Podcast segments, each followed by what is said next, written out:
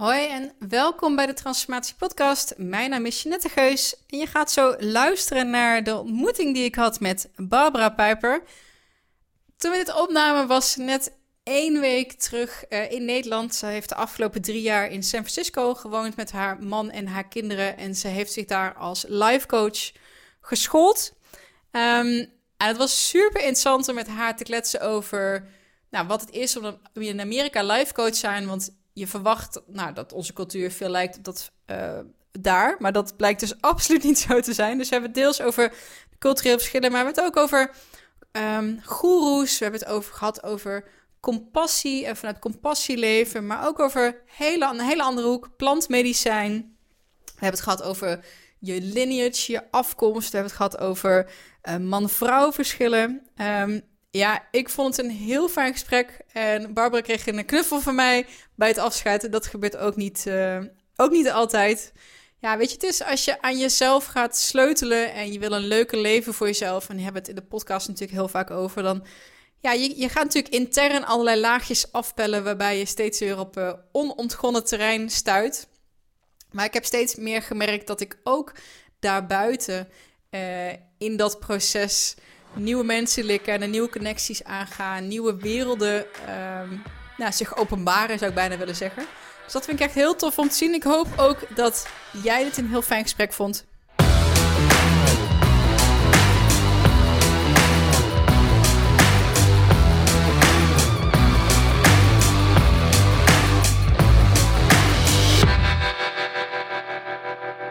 Welkom, Barbara. Dankjewel, Jeanette. Leuk om hier te zijn. Vers uit de States. Ja, echt vers vers uit de States. Laten we daar even beginnen. Oké. misschien dat dat ook een mooie introductie is in uh, wie je bent en wat je doet. Wat uh, misschien wel leuk om voor luisteraars. Um, jij bent aan mij gekoppeld door Siets Bakker. Ja.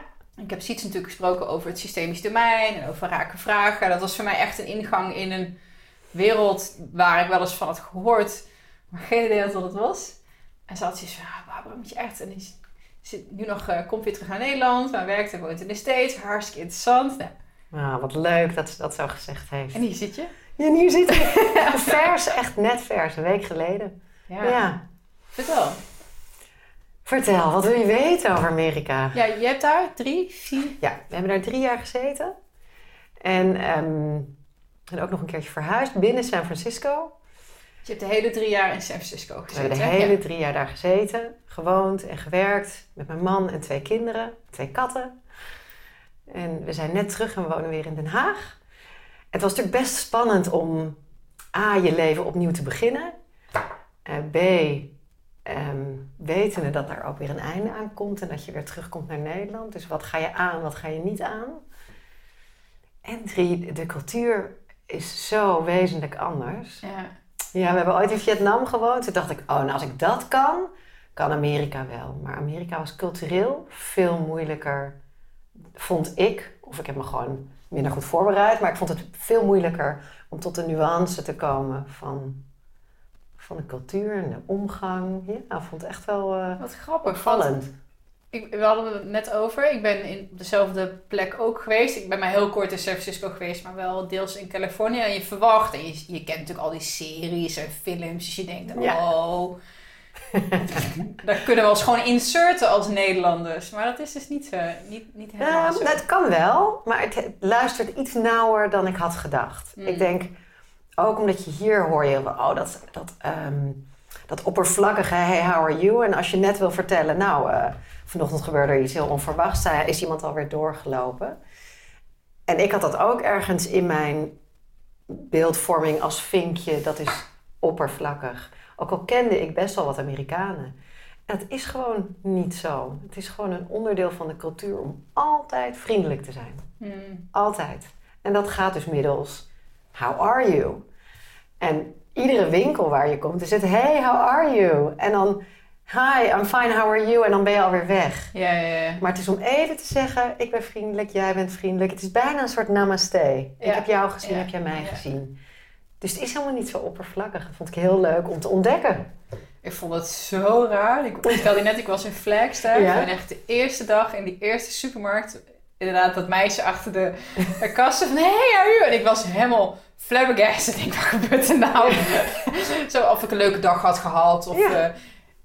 Moet ik nou antwoorden? Ik, vond het heel, eh, ik vond het heel eh, gek. Ja, Maar wel... eh, Maar jij was hier al mental coach? Of coach? Of... Ja, ik heb wel ook ander werk gedaan, maar ik had coaching in mijn werk. Dus via mijn werk kwam ik ermee in aanraking, dus meer vanuit een management optiek.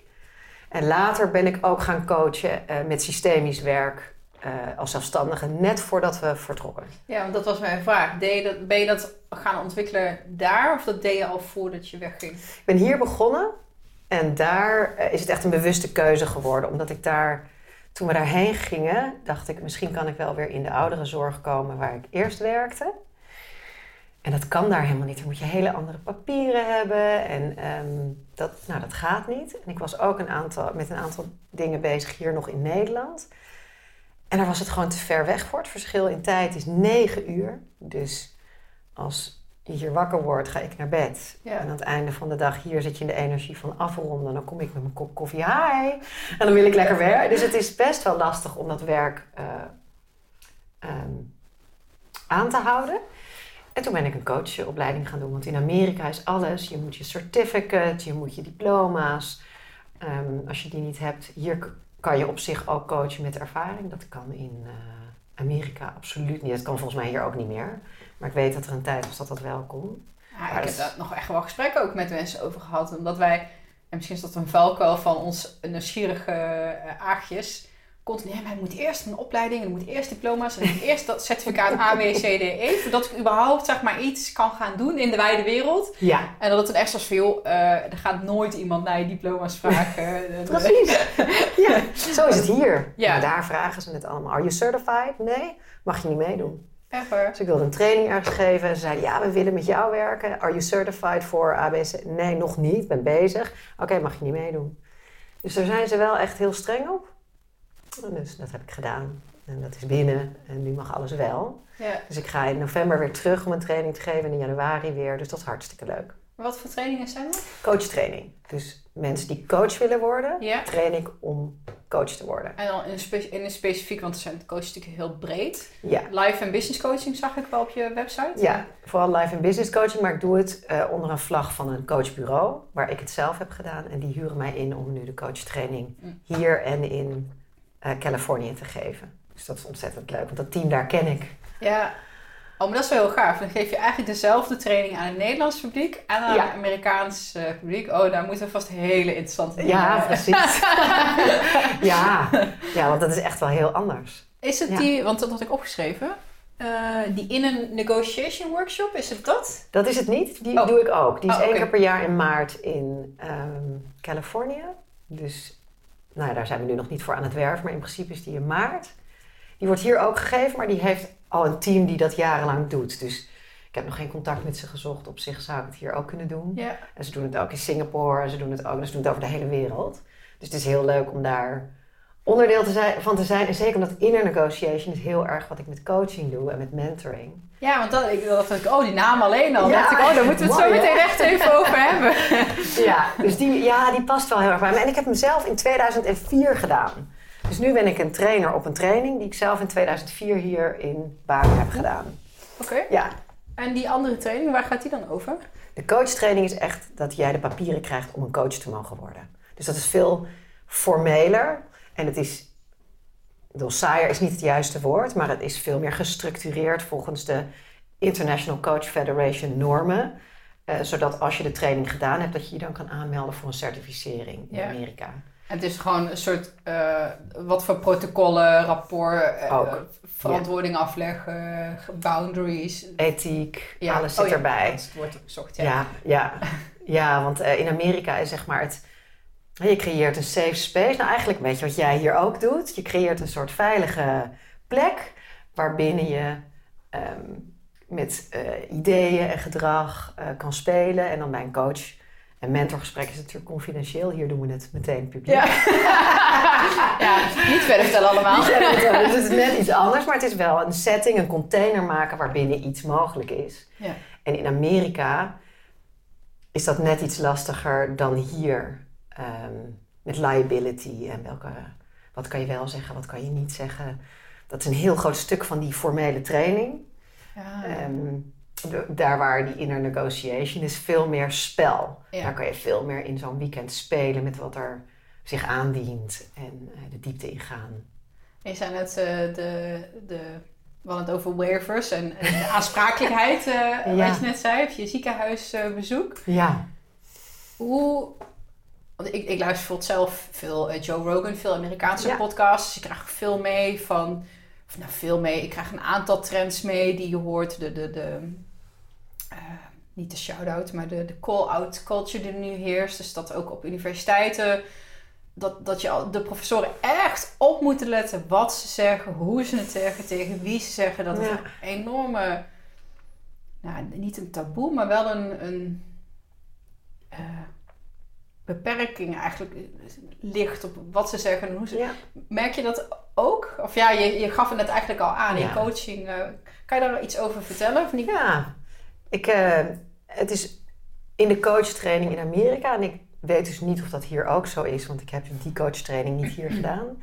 En er wordt je echt op het hart gedrukt en er worden echt uren voor uitgetrokken om je uit te leggen hoe, de, hoe het juridisch is in Amerika.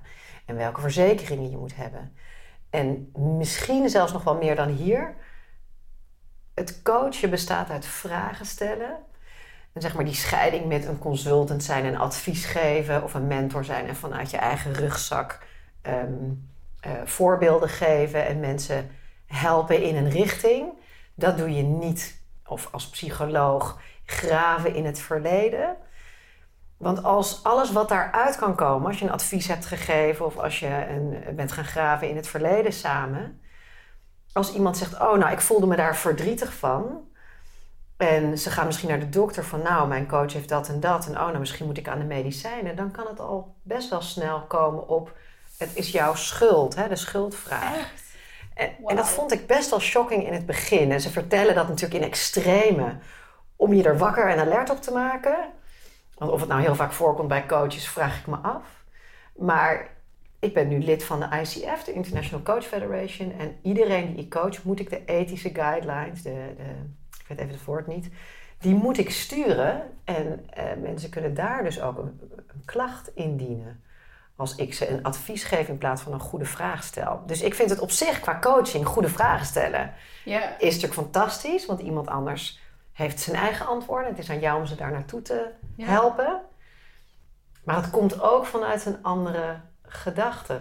Ja. Ja, dus het is er allebei. Ja, en eh, wie, wie is er dan goed of fout? En wij denken allemaal, oh wat stom dat dat, dat zo streng moet. Maar voor hetzelfde geld ehm, gaan wij over tien jaar dezelfde wetgeving eh, Ja, hierop toepassen. Ja. Want waar, denk je dat, dat het in Nederland ook toegevoegde waarde zou hebben? Als coaches zich daar meer bewust van zouden zijn? Van de, de, de, keten die ze kunnen veroorzaken? Als ze internationaal werken, zeker. Ja, dat denk ik wel. Want ik doe heel bewust in mijn uh, coachtrajecten, bijvoorbeeld, ik ga heel vaak wandelen met mijn coaches. En dan is het een cognitieve verhandeling. Je praat met elkaar, naast elkaar. Maar je bent ook aan het wandelen. En vrij snel merk ik in mijn coaching, omdat ik, wat we, hè, integrative work, vaak is het, hé, hey, ik heb het idee dat, maar dan is het al vrij snel, hé, hey, maar ik heb ook het gevoel dat, dan komen we bij het hart. Of ik ervaar dat, dan komen we bij het lijf. Of ik weet dat, en dan kom je bij een geheel. Dus door die processen in een wandeling te maken, kom ik vaak uit bij systemisch werk of bij fysiek werk of bij natuurwerk. En dan zeg ik echt, jongens, ik heb nu een andere pet op. Ik ben ICF certified, ik heb de guidelines gekregen voor dat cognitieve stuk. Ik ben nu ook systemisch coach en ik ga een ander domein in. Oh, echt? En dat benoem ik dan en dan krijg ik daar akkoord op. Is dat eh, ja? En eh, soms ook schriftelijk, afhankelijk van wat, wat ik zelf voor een uh, nou, intuïtief gevoel krijg bij iemand. Ja. En soms verwijs ik mensen ook door. Maar goed, dat doe ik in het gesprek en dan gaan we iets anders doen. Maar dat doe ik heel bewust. Ja. Wow, wow. Dus dat is wel nieuw voor mij. En ik weet helemaal niet hoe dat in Nederland zal zijn. Maar ik heb nu alweer een nieuwe klant in Amerika die ik via Zoom ga coachen. Ja. In november doen we dan een live wandeling. Dus zo'n traject. Ja, dan ben ik toch alert hoor. Dat is toch gek. Ja, ja, ja. Terwijl we zijn allemaal mensen. Ik zou er niet meer of minder alert op moeten zijn. Maar ik merk dat ik dat toch wel eh, heb. Nou, je hoort wel eens dat, eh, dat, dat nou, dit is niet een klacht, maar een observatie van eh, Jezus, eh, iedereen er nergens coacht. En iedereen noemt zichzelf coach. Het zou misschien wel goed zijn als dat wat meer, dat dat zo, dat, dat verschil tussen die verschillende petten ook. En oh, we zitten nu in het cognitieve stuk en we gaan naar het systeemstuk. Maar ik, heb, ik kan je ook vanuit mijn eigen ervaring als een soort van mentor, maar dat hoort er eigenlijk niet bij. Ja, ja, Maar eigenlijk wil je gewoon als geheel eh, iemand helpen. ja. Want je hebt zelf je rugzak waarbij je de hele tijd verschillende dingen Ja. Kijk, de vraag die ik altijd stel bij een coachgesprek, de hele tijd in mijn achterhoofd is: wat is hier nu nodig? En dan kan je de klemtoon de hele tijd anders leggen. Wat is hier nu nodig? Wat is nu nodig? Wat is hier nodig? Wat is nodig? Ja. En elke keer is dat anders. Soms is een cognitieve oefening heel handig of een praktische plan maken. En een andere keer gaan we heel somatisch werken. Van, goh, waar voel je dat in je lijf? Wat ervaar je daar eigenlijk? Wat is dat voor een pijn? En dan kan ik ook beter bepalen of ik de juiste persoon ben Ja, om ze ja. te helpen of dat ik iemand door moet verwijzen. Wat, wat, wat is het systemisch domein? We hebben het met Siets Oh. heb ik het over gehad. Ik weet dat het een hele lastige vraag is. Maar misschien, wat is het voor jou? Wat Ja. betekent het voor jou? Wat betekent het voor mij? Ik, zeker eh, sinds mijn tijd in Amerika. Mm, ik leg het eigenlijk altijd zo uit om bij de basis te beginnen, omdat Bert Hellinger natuurlijk ooit met familieopstellingen vanuit de psychotherapie mee begonnen is, of zoals hij het zelf zegt, hij het ontdekt heeft. Ik heb het eh, geleerd van eh, Ineke van Keulen. En daar hadden we de, altijd het voorbeeld van, ken je zo'n mobiel wat boven het babybedje hangt? Ja. Ik heb heel vaak het mobiel als eh, levensgrote mobiele kunststukken als voorbeeld voor families en voor systemen. Ook in de eh, visuals op mijn website of op eh, Instagram. Omdat het zo goed aangeeft als je één poppetje weghaalt of één veertje uit zo'n mobiel, Is die uit balans? is die uit balans.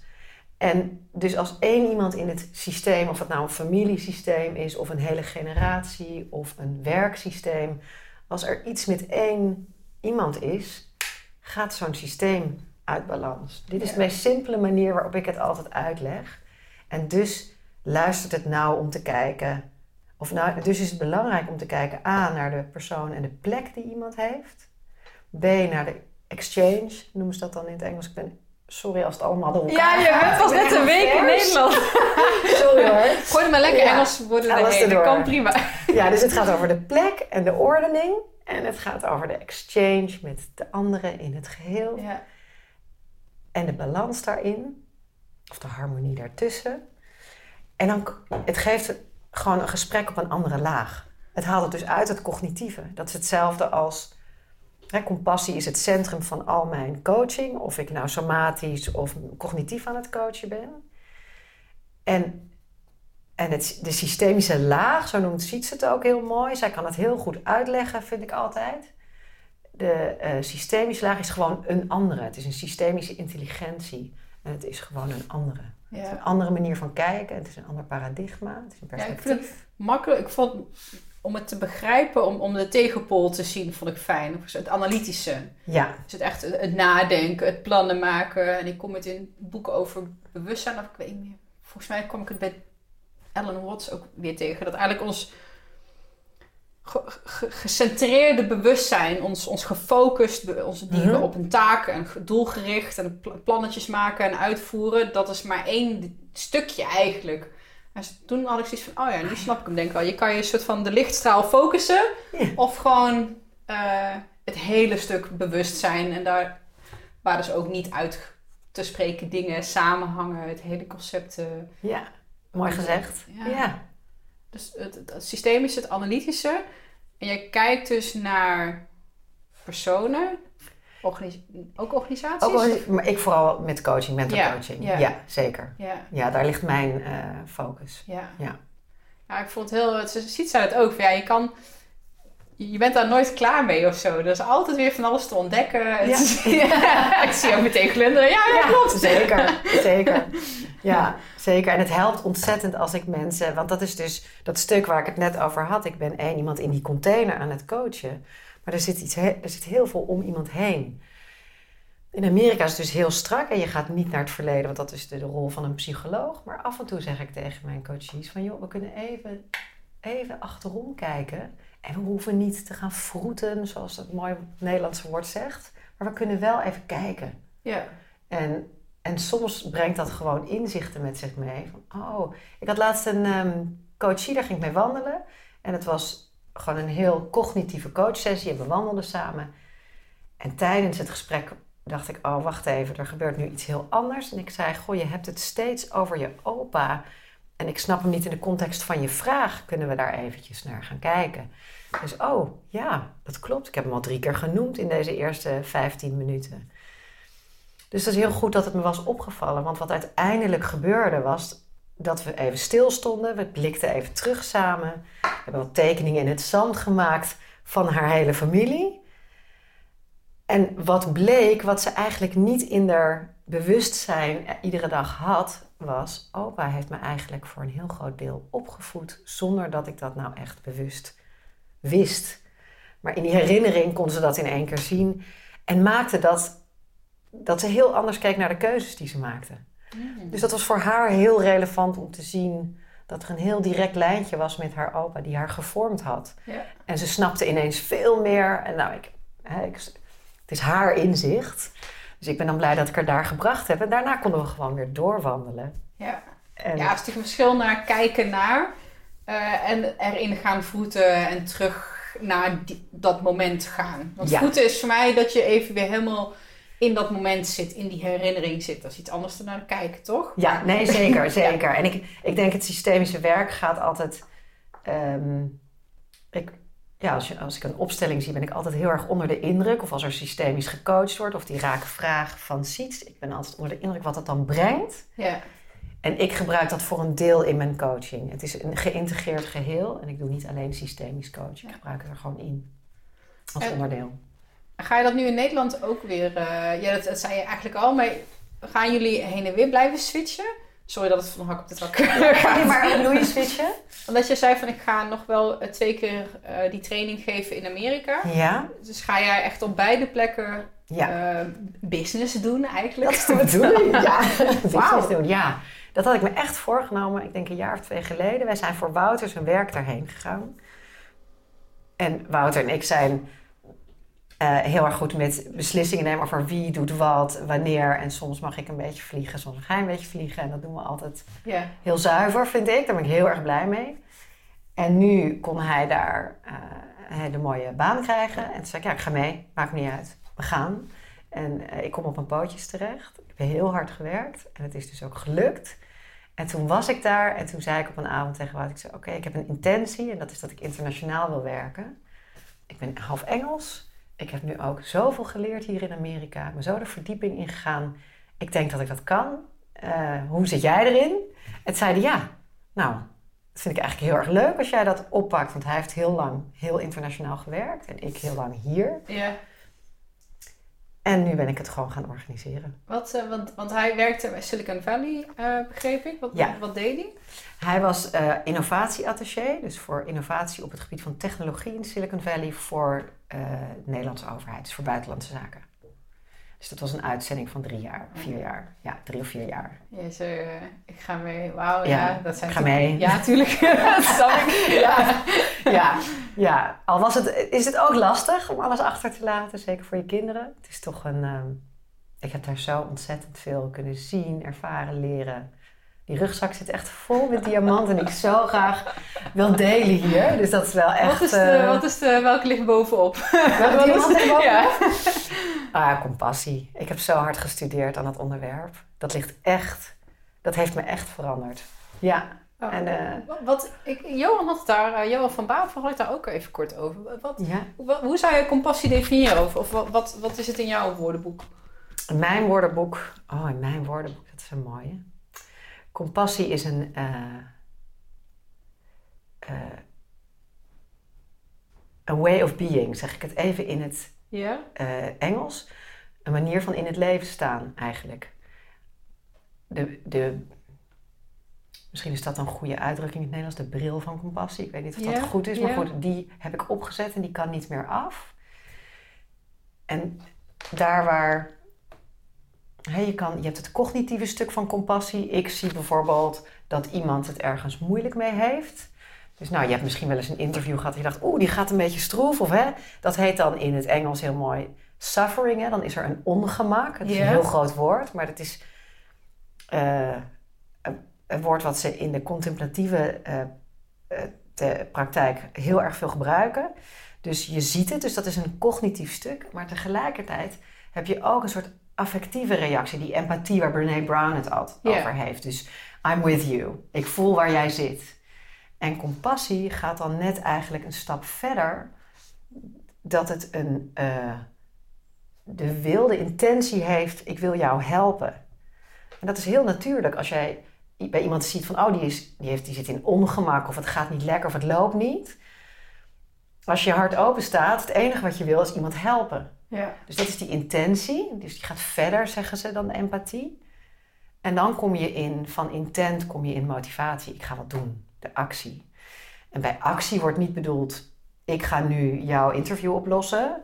Maar ehm, eh, ik, ik blijf erbij bij de gedachte en bij het gevoel dat ik dat wil. En daarmee zend ik dat gevoel naar jou uit. Dat is wat ze zeggen in de theorieën. Ja, ja, ja. En dat is het, het cognitieve En dat is het cognitieve stuk. Ja, ja, ja. En, dan, en dan is Stanford eigenlijk, eh, het instituut waar ik aan gestudeerd heb bij Stanford, is eigenlijk, zover ik weet en mijn docent weet, de enige universiteit die het aanvliegt vanuit contemplative practice. Dus ze zeggen ja, je krijgt elke week bakken met onderzoek en artikelen en zienswijzen.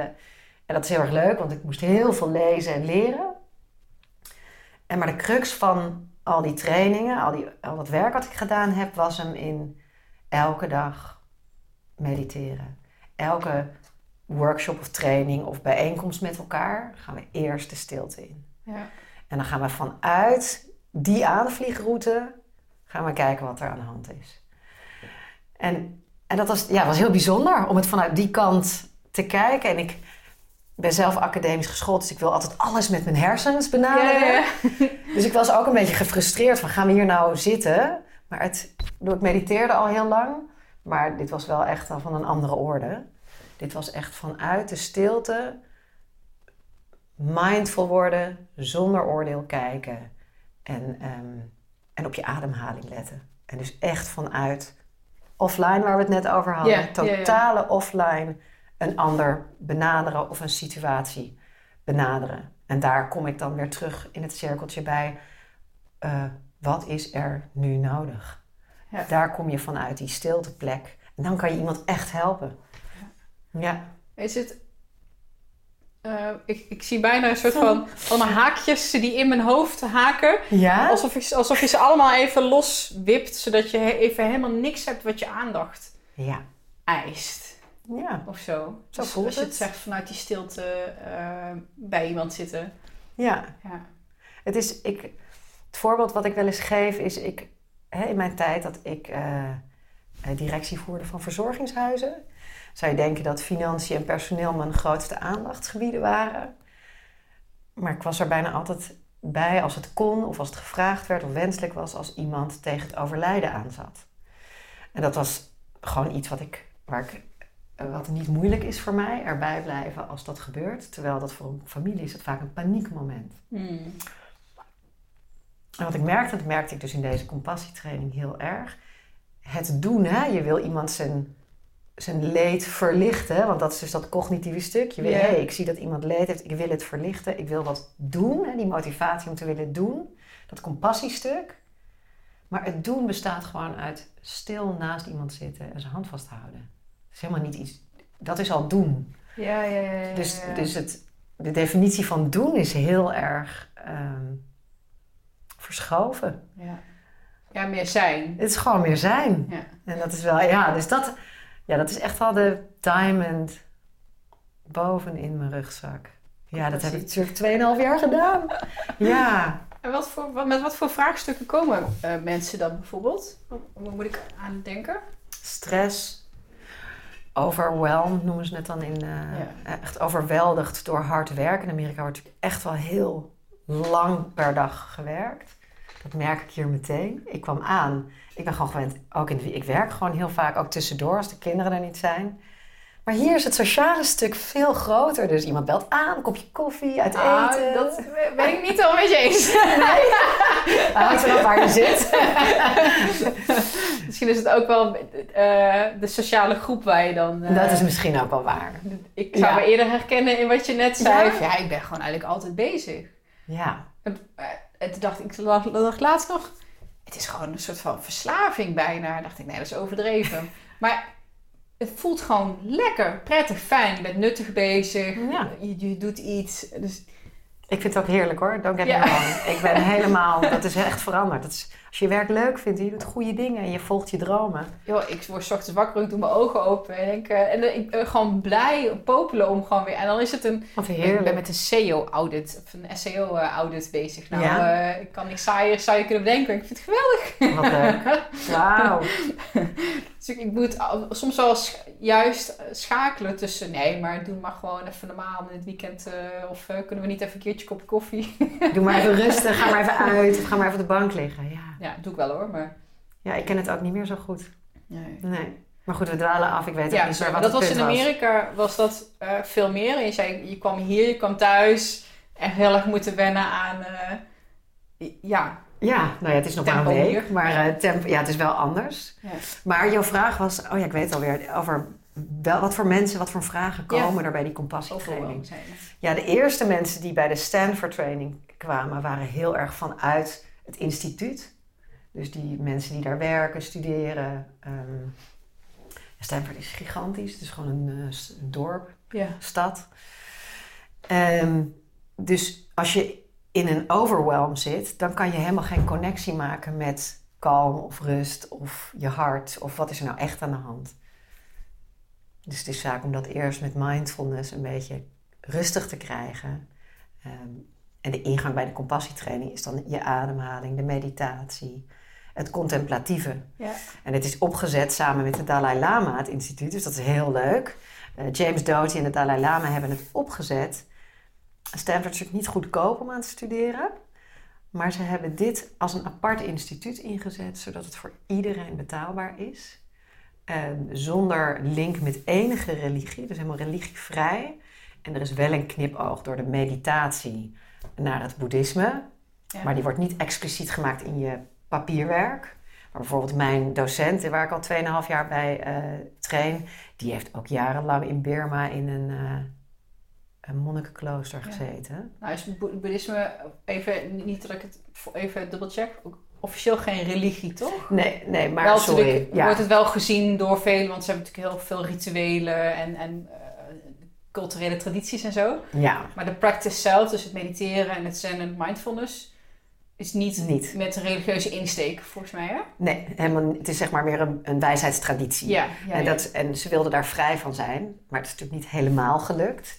Maar het is, uh, ja, het is voor een deel gelukt. Ontzettend gaaf lijkt me dat. Omdat zo in zo'n hotspot daar dan te mogen doen. Want je vertelde net in het voorgesprek en je zag mijn uh, The Universe Cut Your Back ja. boek liggen. ik heb haar gezien. Ja. Dat is natuurlijk wel, je hebt daar natuurlijk een af en aan uh, van uh, grote namen die daarmee even terug inhaken. Ja. Wie, wie heb je, kun je iets over vertellen over die scene? Want dat is natuurlijk hartstikke leuk. Ja, ik denk... Um, inmiddels is LA meer een hotspot. Omdat het in San Francisco zo duur is om... Dat zie ik ook met de trainingen. Als ik een zaaltje wil huren, dan moet je zoveel geld vragen, wil je die zaal kunnen betalen, uh, dat het bijna niet meer gaat. Dus je hebt de trainingen in Noord-Californië of Zuid-Californië en LA. Ehm, maar ik heb, uh, wie heb ik gezien? Ik heb gestudeerd met Jack Cornfield aan het Spirit Rock Center. Ik heb met Peter Levine gewerkt aan Somatic Work. Ik heb een um, Somatic Experiencing heb ik gedaan. Deepak Chopra, Gabrielle Bernstein, Rick Hansen, Resilience. Ze zijn allemaal voorbij gekomen. En Berkeley heeft een centrum dat heet The Greater Good uh, Science. En daar komen ook steeds mensen met workshops over compassie, over resilience, over happiness, over al die kwaliteiten van het hart, zoals we dat in Amerika dan zo mooi noemen. All the qualities of the heart, kindness, Oh, generosity. En dat is eigenlijk uiteindelijk nu de essentie van mijn werk gekomen. Maar die heb ik overal. Ik heb overal, als ik een keer een dag vrij had, zocht ik het even op. En dan, ja, zoveel mooie, leuke, interessante mensen daar. Je vertelde net iets over Gabrielle Bernstein. Nou, Ja. Voor de luisteraars die haar niet kennen, ik ben nu bijna klaar met eh, The Universe Got Your Back. Wat vind je daarvan, van het boek? Ehm, ja, het leest echt super lekker weg. En ik, je moet daar wel even een beetje, je moet het niet te letterlijk nemen, want het gaat heel erg over ehm, eh, prayers, Ja. gebeden. Het, heel, het heeft heel erg een zweem van God. En dan moest ik even erheen en ik, ja, de boodschap eigenlijk eh, doet ze heel luchtig wel allerlei hele mooie universele spirituele waarheden wel aantippen.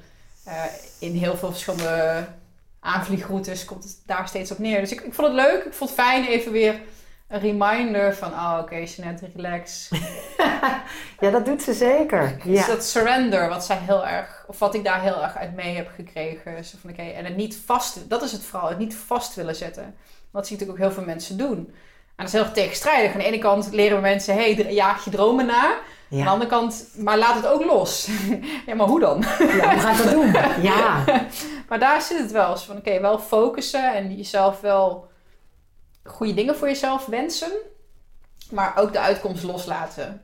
ja, En dat is volgens mij wat ze ook wel doet, want je zet jezelf wel in een positieve mindset. ja. Want heel, veel- heel, heel veel mensen zitten in klagen en in tekort en in, en in stress en in overwelm helemaal Ja, de verkeerde kant op. Zo van, oké, zet jezelf in een positieve frame, of je framet jezelf positief en dan laat je het los. Ja. Dat maar... Dat zeg je helemaal zoals ze het Oké. schrijft. Ja. Ja, oké, oké. En, dat zeggen, en ik- dat zeggen een heleboel mensen om haar heen ook. Ook andere motivational speakers en zo die je daar hebt. Maar ook mensen die echt wel diep spiritueel bezig zijn. In, eh, on the rock zeg ik altijd in Californië. We zeggen allemaal als je de intentie zet. Dan betekent het loslaten. Hè? Want ze zegt dan leave it up to the universe. hè, Of the universe has got your back. Maar dat betekent niet dat je dan op de bank kan gaan liggen series kijken van... eh, nou, wat gaat het universum... Het komt aan de doorstep. Ze zeggen dan wel... Neem gewoon wel een stapje per dag richting dat wat je wil creëren. Ja. Zij, eh, zij is zelf ook gewoon begonnen met gratis op die zeepkist... overal de verhaal vertellen. Gewoon Ja, haar eigen verhaal. Wat ik al begrepen is dat ze ook een verleden heeft met verslaving. Ja. En ook, eh, ik weet niet zozeer wat. Ik heb alleen maar dit boek gelezen. Maar... Ze heeft veel gedronken. En dan, toen ze sober was, toen, eh, nou, toen had ze echt een aha-moment, zoals ze dat dan noemen. Van, nee, wacht even, dit niet. Volgens mij hoort dat er wel een beetje bij. Ik heb dan ook een shamaan, Gino uit Peru, geïnterviewd. En die, die is eigenlijk gewoon architect. Komt ook uit een hele andere hoek. En je moet juist, lijkt het wel, door je eigen Dark Knight. Ken je dat eh, ja, boek trouwens? mooi. Welke? Dark Knight of the Soul? Eh, wel van gooi, je hem niet gelezen. Oh, de- ja. Ja, moet ik hem lezen? Ja. Oké, We hadden eigenlijk gezegd, ik ga niet meer lezen. Oké, die ga ik lezen. Dark Knight of the Soul, ja, echt geweldig. Eh, omdat in je Dark Knight je, je karakter wordt gevormd. Ja. Daar komt de nuance, de complexiteit, de diepgang, de lessen. Het is niet in het eh, huppelende, alles komt aanwaaien leventje. Nee. Het is in die donkere momenten waar je dus leert. Ja, En dat zijn Zeker de shamanen waar. ook. Van, ja, de, de beste shamanen die anderen kunnen helpen met heling is die zichzelf eerst heeft moeten mogen genezen. ja, Voordat je doorgaat, dat door kan geven aan anderen. Juist omdat je weet, ja, maar dat niet. dat niet. Ja. Niet die kant op. Ja. Ja. Is dat herkenbaar ook voor jou? ja, dat is zeer herkenbaar. Ja, dat is zeer herkenbaar. En ik, ik heb zelf ook veel in de tipi met shamanen gezeten. En ehm, ja, daar, krijg je ook, daar ga je ook door processen heen. eh, Die misschien niet zo licht en leuk en, en mooi zijn. En om daar dan, ze noemen dat dan self-compassion, om daar dan met compassie bij jezelf te blijven. Van, oh, dat is er dus ook. Dat, dat ben ik ook. Hè? Je bent een stuk licht, maar je bent ook een stuk donker. En samen ben je, samen je één geheel. Ja, ja. Eh, shamanen hebben echt zo'n oud earth-based wisdom, zoals dat dan zo mooi noemen. Ancient earth-based wisdom. En die gebruiken ze in rituelen, in traditionele avonden, bij en volle nieuwe manen. En ook daar ben ik ingedoken in Californië. En heeft, ja, dat is toch weer echt het hele andere extreme. Uh, Lijkt me een toch... groot verschil. Aan de ene kant zo Silicon Valley met Tony Robbins en, en de Gabrielle Bernstein. Het is allemaal hartstikke gelikt en, en, en, en gepolijst, zeg maar. En aan de andere kant een typie met de shamaan zwetend. Ja, dat was heel ruw. Of niet ruw, het was helemaal niet ruw. Maar het is heel raw. ja, dat bedoel ik. Ja, ja. en toch heb ik daar heel veel van geleerd over onze connectie met de natuur. Onze connectie met het lichaam en het vrouwelijke en het mannelijke. En dat we kunnen allemaal wel praten over de kwaliteiten van je hart, over compassie. We kunnen overal in gentleness en liefde een aanvliegroute vinden. Maar we zijn ook gewoon mensen van vlees en bloed die het hier op aarde moeten doen. Dat is een beetje dan de tekst die ze uitspreken. Het is gewoon earth. Dit is waar we zijn. En daar mag het een container in hebben. En daar, ja. En wat me dan nog dan niet stoort of zo, maar waar ik dan wel eens over nadenk, denk ik. Uh, nou, ik heb een beetje ook wat gezien achter de schermen van shamanen in Nederland die dan hè, rituelen of ceremonies komen doen, bijvoorbeeld ayahuasca.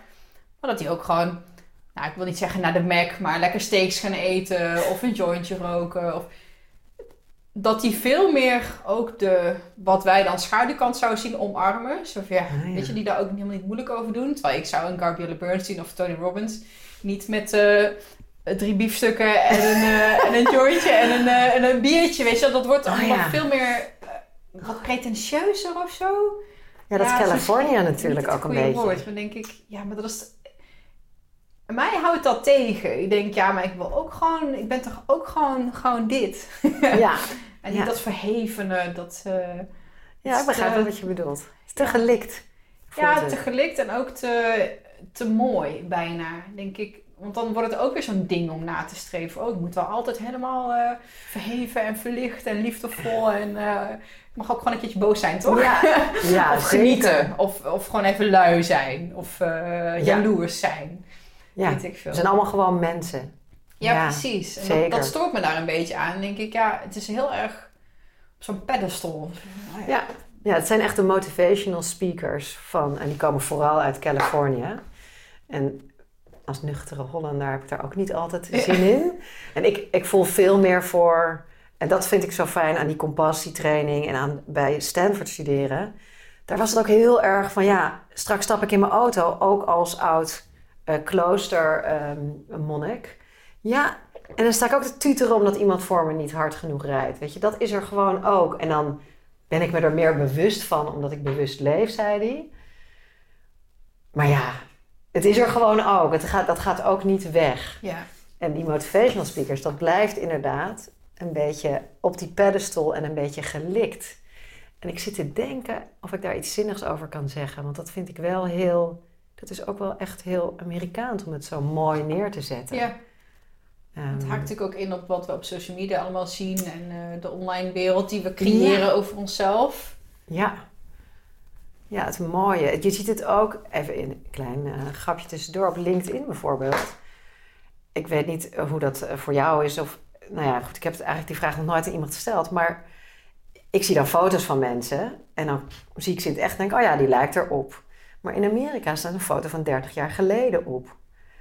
En het, is, het gaat dus om, het presenteren is iets anders dan wat er echt gebeurt. Dat is daar ja. gescheiden. Dus ik weet niet, ik vond het wel een... Uh... Ik zag dat bij David Allen ook wel. Want die heb ik...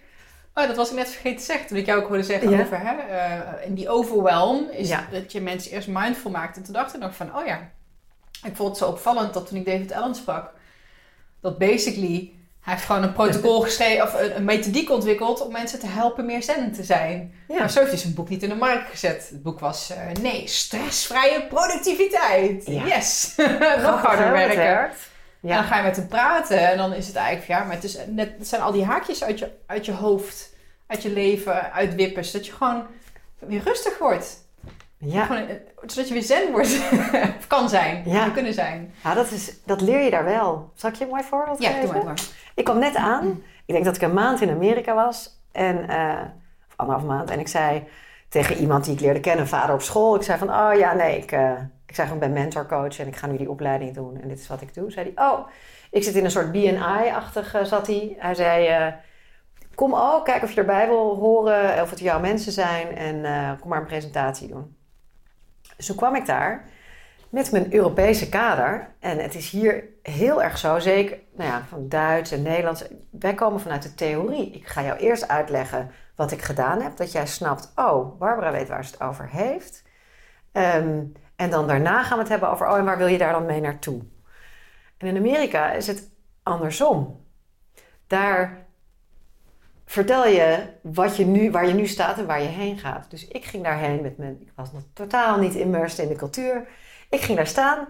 Ik had één minuut geloof ik of twee. Het moest ook even chop chop snel. En uh, ik vond best wel, ik zei, nou, goed verhaalbaar. Weet je, zo ging ik zitten.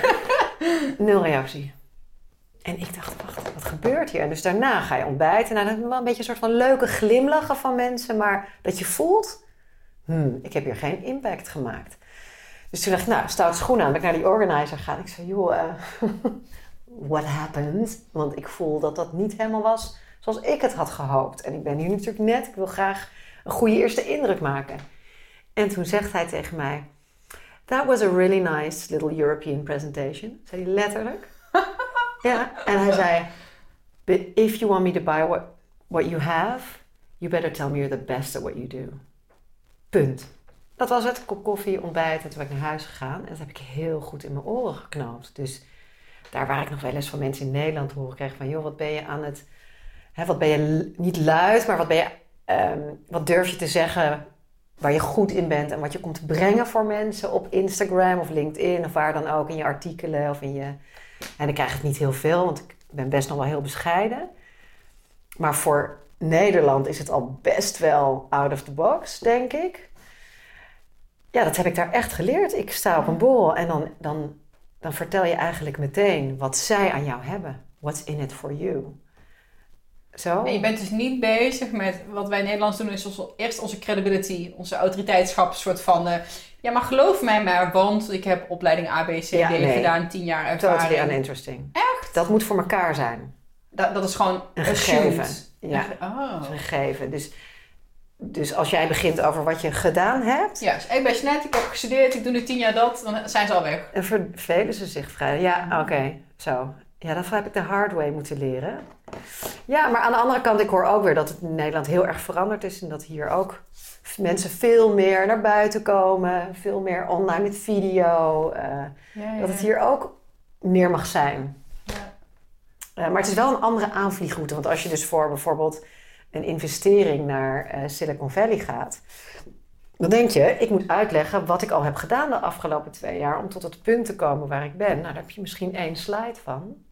En dan heb je er tien over waar je nu staat, hoeveel geld je nodig hebt, hoeveel geld je gaat creëren, hoe dat eruit gaat zien, je journey, wat jij zo mooi hier ook op de muur hebt staan.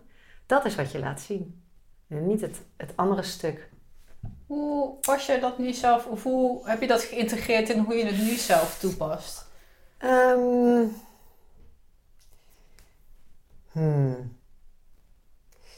Ik, ja, eigenlijk wel. Ik denk dat je. Ja, ik heb het niet zo vaak meer over wat deed ik vroeger of wat heb ik gedaan of wat heb ik geleerd. Het is gewoon nu wie ik ben en wat ik doe. Valt het je ook op als je nu in Nederland mensen ontmoet? ik, kan, ik, kan, me heel goed voorstellen dat je eerst zeg maar, het Nederlandse van je af moest schudden. En dat je nu helemaal zo'n zo Silicon Valley uh, uh, laagje hebt. Bril. Bril, ja. Nee, je hebt helemaal gelijk. Ik weet het, ik ben er pas een oh, week. Ja, pas een week. Ik ben er pas een week. En ik, maar ik vind alles leuk. Ik eh, vlieg alles positief aan. Um, het enige wat ik, wat ik heel erg merk, wat ik heb, is als ik met iemand praat. En dat wil ik bij jou nu ook. Maar dit is natuurlijk dit is een container waarbinnen jij mij interviewt, maar ik wil eigenlijk de hele tijd vragen: How can I help you? Dat is echt iets wat oh, er nu ingebakken zit. Ja, maar dat mag hoor, want het nee, is nee. niet. nee, maar even oprecht. En ik heb um, de feedback op de podcast en wat ik super leuk vind, is omdat het heel erg relatable is. Mm. Juist als ik wel even uh, de sluier oplicht en zegt: Ja, dit is mijn probleem. En dat we samen naar kijken. Volgens mij is dat het allerleukste om naar te luisteren. Ja, oké. Dat vind ik ook zelf als ik naar podcasts luister. denk ik: Oh, dat kan ik me echt helemaal. Uh... ja. Juist een case study wordt het dan eigenlijk. Echt ja, dat je even door iets heen. Uh... Dat is een hele mooie podcast die dat echt onwijs goed deed. Dat is echt een tip ook. The Psychology of Eating. Maar die ken ik niet. Het is de Institute for the Psychology of Eating. In Denver zit dat, of in uh, Boulder, Colorado mm -hmm. zit dat. En zijn podcast bestond eigenlijk uit de eerste coaching sessie die hij met mensen deed op dat vlak. Dus dus ongeveer 10, 20 minuten vragen stellen. Dat hij uh, ging vragen stellen en dan een half uur eigenlijk zijn beschouwing. Of, en dan van heel groot naar steeds kleiner. Wauw. Dus dat is helemaal niet van, uh, nou uh, Mark, want zo heet die, vertel maar eens even alles wat je weet. Ja, ja. maar hier heb je een persoon en ja, Stel ja, maar je vragen. Wel echt vanuit het systeem, heel interessant om daar vanuit de systemische bril denk ik eens naar te luisteren. Want ja. het zit helemaal op dat... dat stuk. Oh, dat, ga ik doen. Ja, en dat gaat niet over, nou je eet te veel eiwit of te weinig eiwit of te veel carbs of whatever. Maar je woont nog in het huis van je ouders. Ja. en daarom heb je X, Y, Z. Heel interessant. Oh wauw, dus je woont nog figuurlijk gesproken in het huis van Ja, bijvoorbeeld een van de ah. case studies die we... Ja, ik, ik kan niet... Waarschijnlijk is het een samenraapsel van case studies dat ik niet vertel. Maar... Uh, bijvoorbeeld waarom iemand uh, eetbuien heeft of, uh, of overeet. En als je dan gaat, kijken waar iemand dan staat. Van, goh, je bent nog steeds aan het rebelleren tegen je, je moeder, bij wijze van spreken. Maar laat het los. En neem verantwoordelijkheid nu als volwassene voor wat je doet. En hou eens op met je afzet. Je woont daar niet meer. Je woont niet meer in het huis van je ouders. Dus je hoeft je ook niet zo te gedragen. Ja, ja, ja. ja, ja, ja, ja, Heel, uh, ja ik vond het echt een van de leukste podcasts om naar te luisteren. Juist omdat het zo zo persoonlijk uh, is. Omdat je overal wel, het niet 100%, niet 100% jouw verhaal, maar er is geen uniek verhaal, denk ik altijd maar. Ik en ze zijn allemaal uniek. Ja. ja. Ik, ik ben een soort van, uh, ik pas in een template. Waar ik heel veel mensen uh, spreek. Oh, gepest, verslaafd, eigenwijs en nu ondernemer of zo. Of wel mensen oh. helpen. dus ik, ik heb ook mijn eigen shamanistische route, zeg maar. Ik ben yeah. zelf door mijn eigen dal gegaan. Ben eruit geklommen. En nu spreading the gospel. Wauw.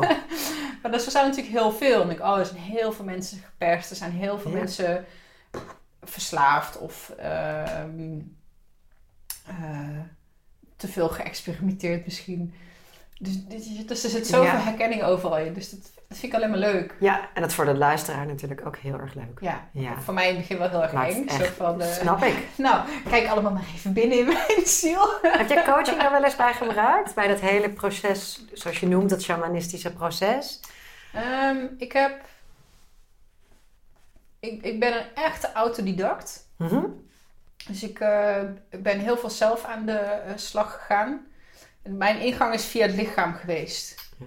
En daarom ook de Psychology of Eating. Dat was echt de brug van uh, voeding en uh, afvallen. En het, echt het, het, rationele stuk, het biologische stuk, naar het spirituele stuk. Want ja, ja. dat is natuurlijk heel erg gelaagd. En voeding is veel meer dan alleen maar brandstof en uh, calorieën. Zeker. Ja. Dus voor mij was dat een beetje een soort van ingang naar op een andere manier kijken wat er wat kan. ik heb niet ja, ik, ik, heb. Nee, ik heb niet specifiek op dat stuk uh, coaching, gehad. Nee. Ja.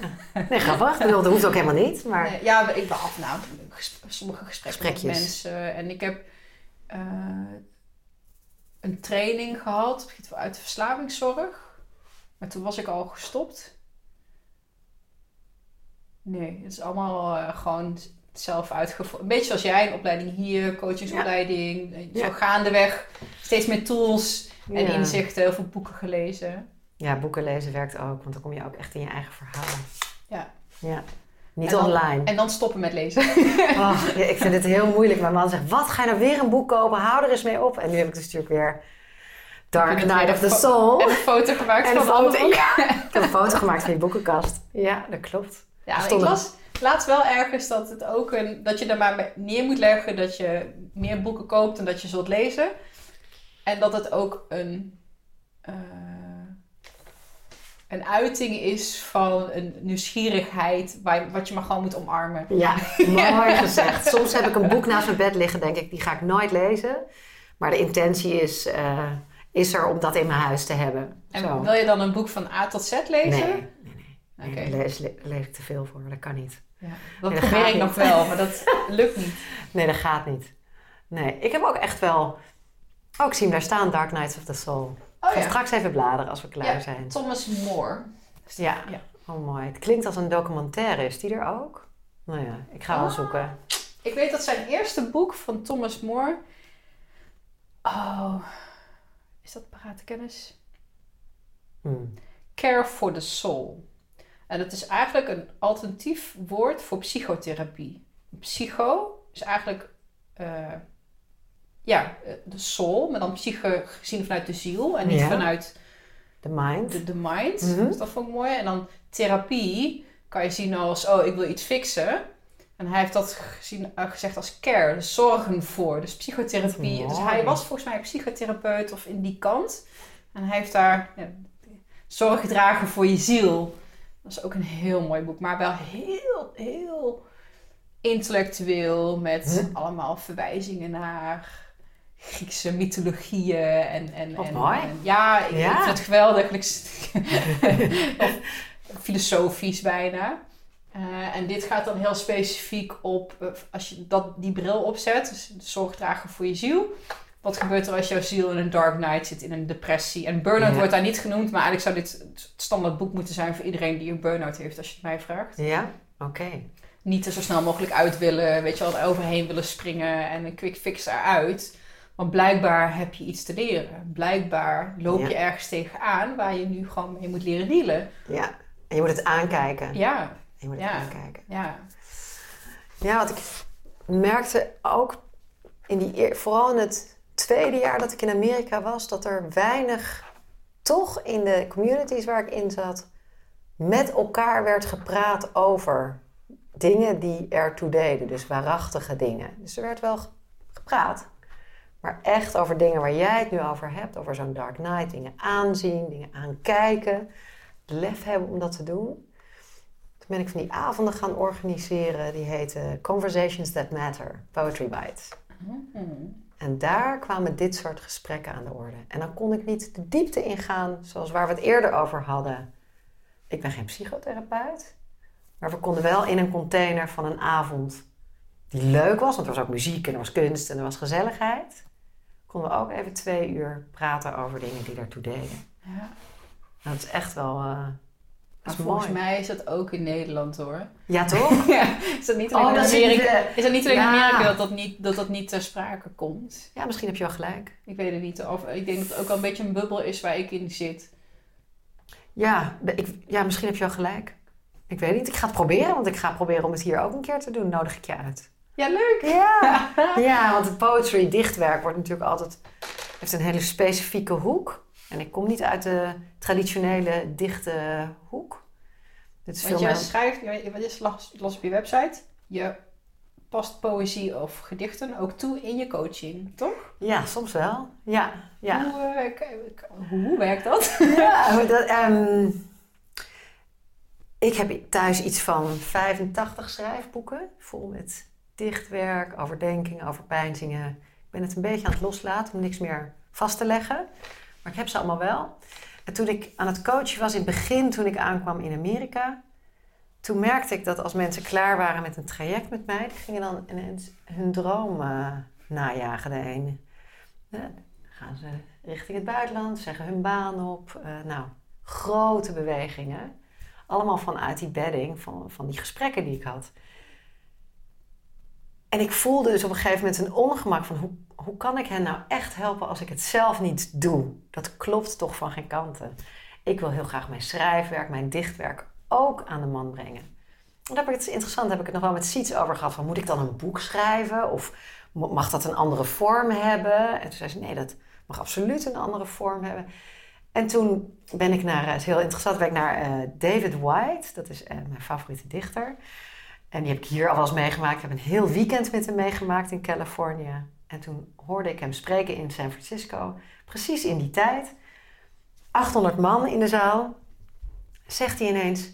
Ik weet nog de eerste keer dat ik hier was, tien jaar geleden, zaten er drie mensen. En één daarvan zat in de verkeerde zaal.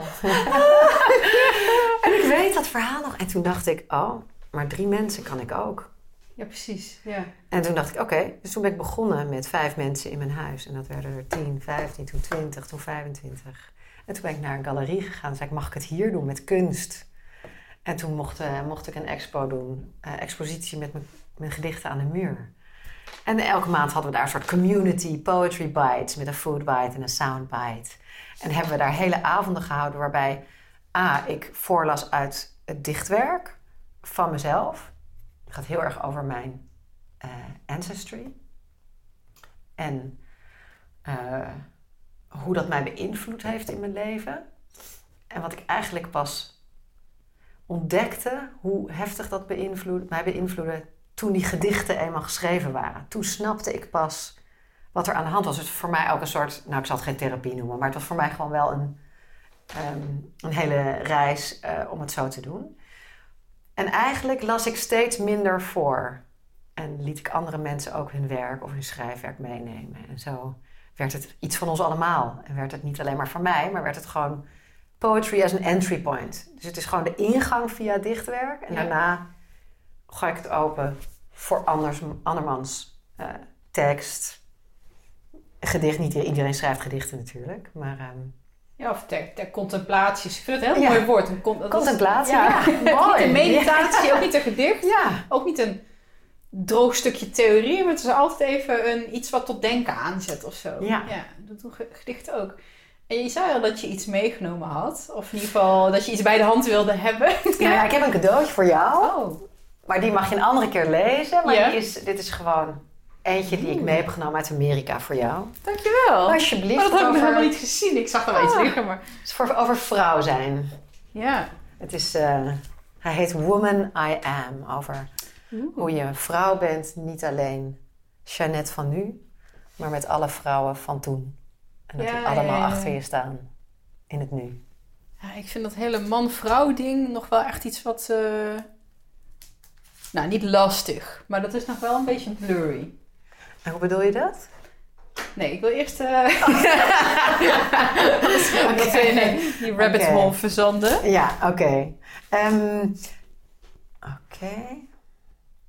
Ik heb heel veel gedichten, dus ik ben een beetje aan het zoeken naar. We hebben het vandaag heel erg gehad over mijn aanvliegroute in. Nou, ik, ik vond dat stukje, dat ancestry en je, je eigen verhaal Ja, snappen, of je lijn ja, snappen ja.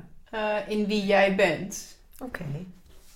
Daar heb ik wel een. eh, daar heb ik wel een gedicht over die ik kan delen.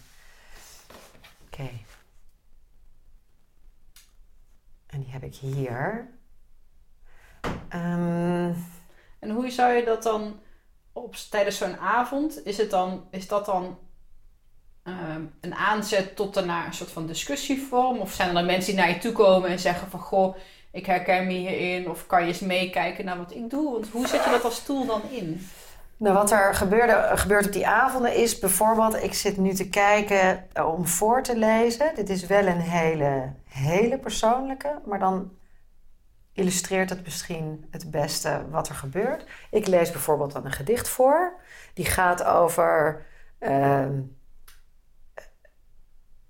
over de familie van mijn moeder. Dat was een Joodse familie via haar vader. Ehm, ik dacht nooit dat ik last had van allerlei dingen die er ooit gebeurd waren in de oorlog. Maar de oorlog was heel erg in huis bij ons vroeger. Mijn vader is uit 1922 en die heeft in de Royal Air Force, dat is een Brit, mijn vader. Die is overleden overigens. Die, die was op D-Day, die heeft gevochten in Nederland, die was bij een brug te ver. Eh, Ik bedoel, dat was in huis. Dus een, een oudere, wijze vader. Mijn moeder met haar hele familie, die vanuit haar vader, haar moeders vader, die kant, is helemaal uitgemoord in de kampen. En hoe wist ik dat? Dat wist ik niet. Ik wist alleen dat er op allerlei dagen allemaal kaarsen overal brandden. En ik dacht als kind, nou, ik snapte er niks van. Maar dan was er weer iemand verdrietig of dan werd er niks gezegd. En je wordt ook in het donker gehouden als kind, hè? Ja. Van, nou, uit bescherming of eh, ze snappen Ja. het toch niet. Ja, Ja, ja, ja. En dan voel je het wel als kind. Want als kind ben je vaak nog open en helder. En je pikt alles op, maar je snapt het niet. En ehm, ik heb met mijn moeder in 2012... heb ik gezegd, we moeten gaan zoeken wie er is overleden en namen. Want ik zie dat het, jij er nog last van hebt. Vind je dat goed? Zijn we naar mijn man Wouter, die heeft eh, die reis eh, aan mij gegeven. Met mijn moeder tien dagen naar Jeruzalem en Tel Aviv. Zijn we naar de naar het Yad Vashem geweest. We zijn gewoon gaan onderzoeken. En ehm, dat was heel erg goed om met haar te doen. En afgelopen jaar ben ik eh, nog een paar keer extra thuisgekomen. Mijn moeder is nu 80 geworden. Om met haar in de gemeentearchieven Den Haag. En ik heb ze bijna allemaal gevonden. En dat was voor mijn moeder zo'n verlichting. Dat iedereen, en dit is het systemische, het ontroert me ook enorm. Dat nu iedereen, bijna iedereen, ik heb er nog drie die ik niet begrijp. Iedereen heeft een plek. Dus de mobiel is... Uh, ja, dus het is bijna recht. En uh, ik kon zien dat dat rust gaf in het systeem aan haar. En ik snapte mijn dichtwerk veel beter. Wat er allemaal uitkomt. Wat staat hier nou eigenlijk? En wat er het gedicht, dat komt dan gewoon eigenlijk zonder dat je... Ja, vijf uur ochtends, bam. Oké. Zitten, pen, schrijven. En ik ga dus zo meteen eentje lezen die ik in Monterey... Ik werd om vijf uur wakker. Bam, daar was die. Ik heb het gewoon opgeschreven. En dit is, ik, heb hem, ik, ik edit ze eigenlijk bijna nooit. Oh. Dus het is niet, er zitten waarschijnlijk niet de juiste cadansen in volgens. Uh, ik heb er niet voor gestudeerd, zoals ik dat uh, dan zeg. Maar ik, ja, het is er en het is heel echt en het is heel waarachtig. En ik snap nu veel beter waarom ik in mijn leven heel veel verschillende dingen heb gedaan. Ik was de hele tijd een beetje jagerig of ik nou in mijn werk vijf verschillende carrières had gehad of eh, in waar ik wil wonen. Er was heel veel, ehm, ik wilde heel erg veel tegelijk en veel volrijk leven. En daar is nu een soort enorme kalmte in gekomen, omdat het allemaal in die gedichten naar buiten is gekomen. En ik voel me nu gewoon, ik hoef helemaal geen twintig banen, ik hoef helemaal niet twintig landen. I'm totally okay hier met Jeannette in dat centrum, in mezelf. Waarbij ik die, die reis van, hè, ik heb een idee, ik heb een gevoel, ik heb een ervaring, mijn lijf, alles is rustig. En dichtwerk heeft daar echt een grote rol in gespeeld. En ik denk art in general. Dus mm. bij de ene is het misschien een schilderij en bij een ander is het misschien een dichtwerk. En nou, ik hoop dat die woman I am je straks aanspreekt, ook in je vragen over man en vrouw. Ja. Zal ik hem lezen? Ja. Ben ik, was ik aan het rebbelen? Ja, een beetje. Hè? Ja. On a tangent. Ja, was on a tangent. Sorry, ik dwaalde helemaal af. Nee, Excuus ook voor de luisteraar. Nee, ik vind, ik, oh, ik vind dat vind ik de leukste momenten, om heel eerlijk te zijn. ja. ja. Nou, het heet Infinite Light. En um, ik heb hem voor het grootste deel uit mijn hoofd, maar ik ga hem oplezen omdat ik een beetje, ik word er toch een beetje zenuwachtig van dat ik hem ga delen. Het gaat erover dat ik met mijn moeder in het Yad Vashem liep. En wij de tunnel inliepen naar, de kinder, naar het kindermonument. Dus we liepen buiten bij de start van het kindermonument. Het is een verplicht schooluitje in uh, Israël. En dan ga je dus de donkere gang in naar het binnenmonument. En, ehm, en dat is heel indrukwekkend, want je maakt eigenlijk de tocht van de kinderen. Dat is eigenlijk wat je doet. En dan kom je binnen en dan hebben ze voor ieder kind een lichtje opgehangen in het donker. Dus het is een hele, het was een hele, uh, ja, bijna mystical ervaring. Het was echt wel, had ik niet verwacht. Ik dacht, we gaan naar een museum. ik wist al dat het iets meer was dan dat, maar dat ze zo treffend uh, hun monumenten hadden gemaakt, dat kon ik me echt van tevoren helemaal niet. Nou, dat lag helemaal niet in de lijn van mijn verwachting. Dat hebben ze echt heel goed gedaan. En dit gedicht kwam er dus, nou wat is het? Vijf jaar later, zes jaar later, ochtends een keer uit. Infinite Lights. The tunnel's darkness surrounds my body entirely. My eyes squint to adjust to the new light, the dark. Off balance in my tread, I grab her hand before we turn and walk into the next room. While walking through the maze of lights, I feel terror in my belly, churning at the enormity of this.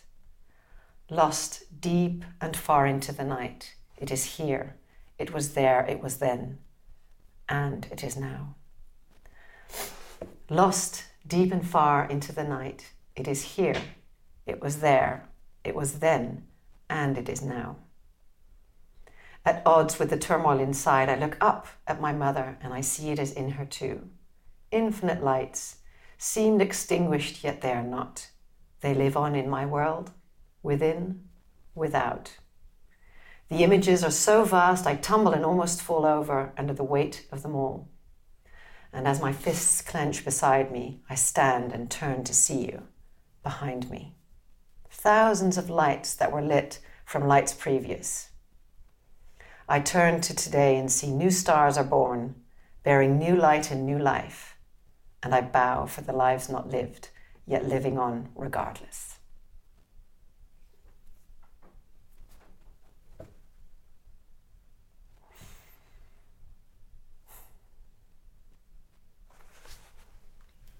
Wat, wat raakte je zo ook in het, toen je er net over begon?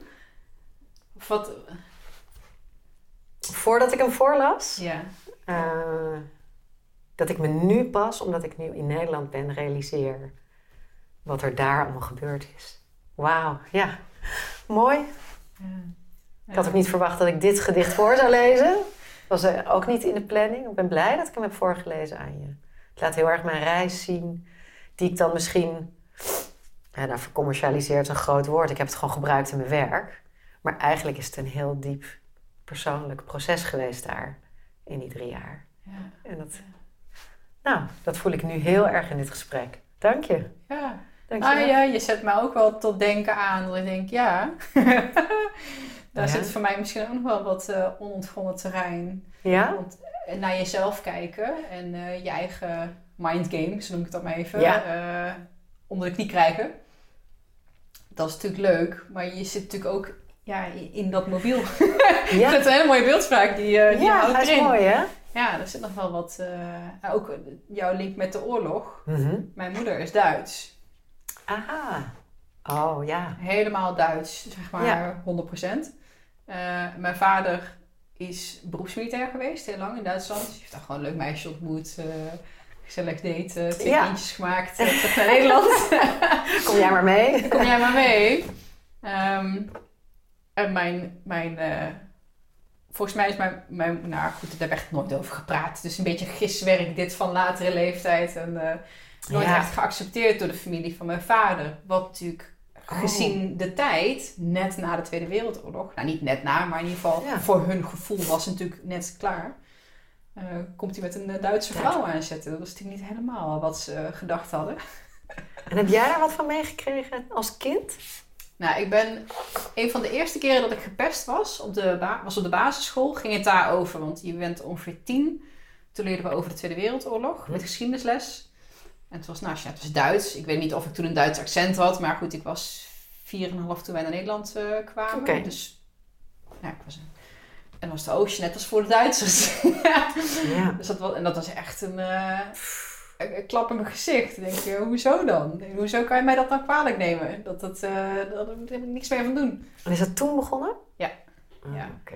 En ik denk dat daar, hoe je daar op dat moment mee omgaat, eh, of je dat van je af kan laten glijden of hoe je daar mee dealt, dat zet de lijn voort. Dat heeft mij heel lang geduurd voordat ik uit het, de slachtofferrol, de pest, Ja. eh, pet kon afzetten, zeg maar. Dus dat, eh, maar als ik bijvoorbeeld kijk naar joh, mijn familie, en ik heb dan één, die leeft helaas niet meer, dat is de oma van mijn moeder. Mhm. Dat is mijn oeroma, noemden Ja. we haar. Omi. Ja. Die eh, heeft nog heel lang geleefd. En volgens mij heeft hij kinderen verloren. Of misschien zelfs wel kleinkinderen. Die heeft twee oorlogen meegemaakt. Dus de eerste en de tweede. In het verzet. Dus die, die heeft dus gewoon veel familie eh, daar. Maar verzet, ik weet niet of ik er dat nu van maak. of dat dat wishful thinking Maar dat is wat je nu weet. Ja, dat is wat, Ah. ik, wat ik nu denk. Is dat die, nou, die, hebben in ieder geval, die zijn in ieder geval gesneuveld als soldaat. Hm. Haar kinderen volgens mij. Ja. Oeroma. En heb je die verhalen wel eens besproken met je moeder? Van wat is er gebeurd? Wie, eh, Zo'n tekening gemaakt van wie zit waar in de boom? Nee, nee, dat zou ik best wel wel doen. Ik weet, toen ik een beetje begon met mezelf eh, eh, nou, opnieuw organiseren. Ja? ik, hou er gewoon in. Ja, ik vind het heel fijn. Dat ziet ze echt een beetje in dit gesprek. Dat is hartstikke leuk. Jezelf goed organiseren. Ja, Ja. is eh, wel gevraagd van, goh, is er misbruik geweest? Dat heb ik wel de man Mm. afgevraagd. Bij mij of bij mijn moeder. En die waren helemaal, eh, oh, waarom vraag je dat? En, eh, Ja, dat zijn grote vragen. ja, op een gegeven moment moet je bijna wel. Ja. Het me een paar keer op de man afgevraagd of het met mij is gebeurd door oud eh, slachtoffers, zeg maar. Zo van, oh, ik herken wel veel van mij. Ah, Ook wel in wat ik bij jou terugzie. Dus is er bij jou iets gebeurd? Nou, en die vraag tot op heden maakt me echt ontzettend ongemakkelijk. Ik weet het niet, maar volgens mij niet. nee. Dus dat heb ik ze wel gevraagd. Maar niet echt naar de grotere familiebanden en eh, over de oorlog. Maar dat zou denk ik wel eens een keer... eh, Ja.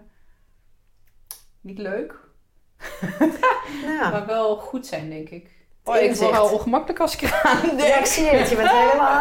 Ja, nou misschien heel klein. Ik ben echt begonnen met een kleine boom. En toen ben ik naar mijn moeder gegaan. Toen zei kan je hem invullen voor... Mijn vader was toen al overleden. Kan je hem invullen voor papa? Zijn familie zit in Engeland. En kan je hem invullen voor jou? Gewoon een stamboom, zeg maar. Ja, gewoon Ja. zelf getekend. Zo met Ja. van die eh, vlak, eh, vakjes. En toen is ze dat gewoon eens een middag met me gaan doen. Heel kleinschalig. En daarmee maakte ik het ook in plaats van... ik ga naar mijn geschiedenis kijken. Gewoon, ik ga gewoon eens even kijken welke poppetjes waar hangen. En dan is het... Hè, ook coaching, het gaat allemaal over jezelf grote vragen durven stellen. Maar soms mag je ook kleine stapjes nemen in Ja, waar je uit wil komen. Dus ik zie je ongemak misschien met heel klein maken. ja. En, Nou ja, ja, ongemak. Het is meer van, eh, oh, ik wil anderen niet ongemakkelijk laten voelen met de vragen die ik stelde. Want eh, de vraag die ik toen stelde over dat misbruik, ja, ja, het is voor mij ongemakkelijk om te vragen. Maar vooral aan de andere kant Ja. ook, is niet een leuke vraag om Nee. te krijgen. Ik kan hem heel goed voorstellen. Want er zit ook een, niet een beschuldiging in, maar wel een soort van, goh, ik ben op zoek naar wat mij heeft gevormd. En misschien zit het, Zit het daar. daar. Dat is ook niet heel leuk, kan ik me voorstellen, om daar als ouder... eh, naar gevraagd te worden. Dat, dat impliceert iets, laat ik het zo zeggen. Ja.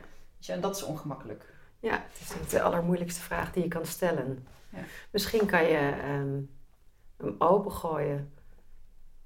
In, hè? Misschien niet als, als gesloten vraag, maar wat is er gebeurd? Hmm. Is er wat gebeurd in plaats van het zit in die hoek? Gewoon in Ja, ik ben er wel een beetje gaan. Was heel erg eh, leuk. Ga, ga, gaaf. Nou, hoe heb ik haar ontmoet? Weet je wel? Hoe is dat dan weer Ja. gegaan? En in wat voor situatie zat mijn moeder? Ik ken natuurlijk wel een beetje de wilde verhalen die ik als kind op verjaardagen opving. Dat was heel erg leuk.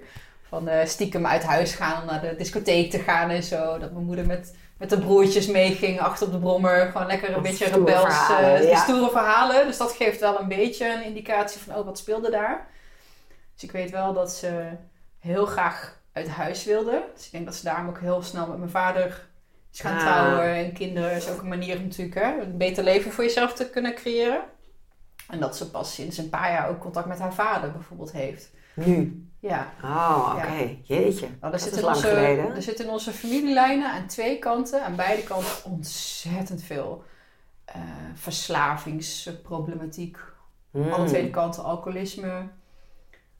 Volgens mij ook gokken.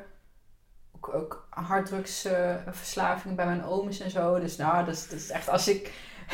maar ik denk dan, ja, dat is toch, bij niemand is het volgens mij een burgerlijk perfect. Helemaal eh, niet. Er zit overal wat. Helemaal niet zelfs. Ja, nee, precies. En dus maar ja, focus je daarop en vormt het je. Maar ik denk wel Ja. dat het goed is. Ik zou er wel heel erg benieuwd naar zijn. Ja. Want het vormt. Ja. Als je één stapje neemt, dan kom je vanzelf ergens uit. ja. Wat interessant wat je zegt. We hebben allemaal, iedereen heeft iets. Ja. In zijn gezin. En, in, en door al die, dat merkte ik jouw vraag eerder over. Wat heb je allemaal gezien in eh Californië? Naar welke mensen ben je toe geweest? Dat is allemaal in workshop setting. En mijn ene workshop is met z'n 250 en de andere is met z'n tienen. Dus alles was, hè, elke keer was het anders. Maar wat, wat je dan bindt in zo'n sessie is dat het normaliseert dat we allemaal een verhaal hebben. Het Ja. normaliseert dat, dat wat jij te vertellen hebt, ja, het normaliseert het gewoon. En dat, Ja. dat vond ik er heel, eh, nou ja, het opende van alles mij vond ik heel mooi. Ja, want Ja. wat ik me nu besef is dat eh, je eerst de kleine dingetjes moet normaliseren. Oh, eh, iedereen vindt gezond eten moeilijk. Oh, iedereen heeft stress. Tot, Ja. oh, iedereen is gepest. Ja, Oh, iedereen kent verhalen van misbruik. Oh, iedereen kent families waar eh, er extreme gevallen zijn. Oh, Ja. en iedereen heeft families waar er misschien niet zo leuke dingen zijn. Dus het wordt van heel klein naar steeds groter. ja, Ja, dat is er wel heel mooi aan. ja. Hmm. Ik merk ook in, eh, in coachgesprekken, dan soms helpt het om te zeggen: Oh, dit is levensfaseproblematiek. Of dit is universeel. We lopen hier allemaal tegenaan. Of dit is echt voor jouw familie. Of dit is echt voor jou persoonlijk. En ik denk dat die levensvragen, dat zie ik. eh, ik ben natuurlijk zelf geen millennial. Maar volgens mij zijn we nu da- daar nu allemaal veel eerder en sneller mee bezig dan, ja. dan ooit. Ik weet niet meer in welk boek dat. Ik denk in Eckhart Tolle's boek. Mhm. Ook als je kijkt naar alle workshops, alle, hè, de leraren die er nu zijn. Vroeger, heel lang geleden, moest je naar, eh, naar, Nepal. Of naar Nepal. Ja, ja, of naar India. Of Ja. eh, naar, je moest naar een leraar toe die kennis had bij je. En nu, YouTube, kan je in de metro op je telefoon naar Tolle luisteren. Ongelooflijk, hè? En dat, dat in Heel 20 anders. jaar. Ja.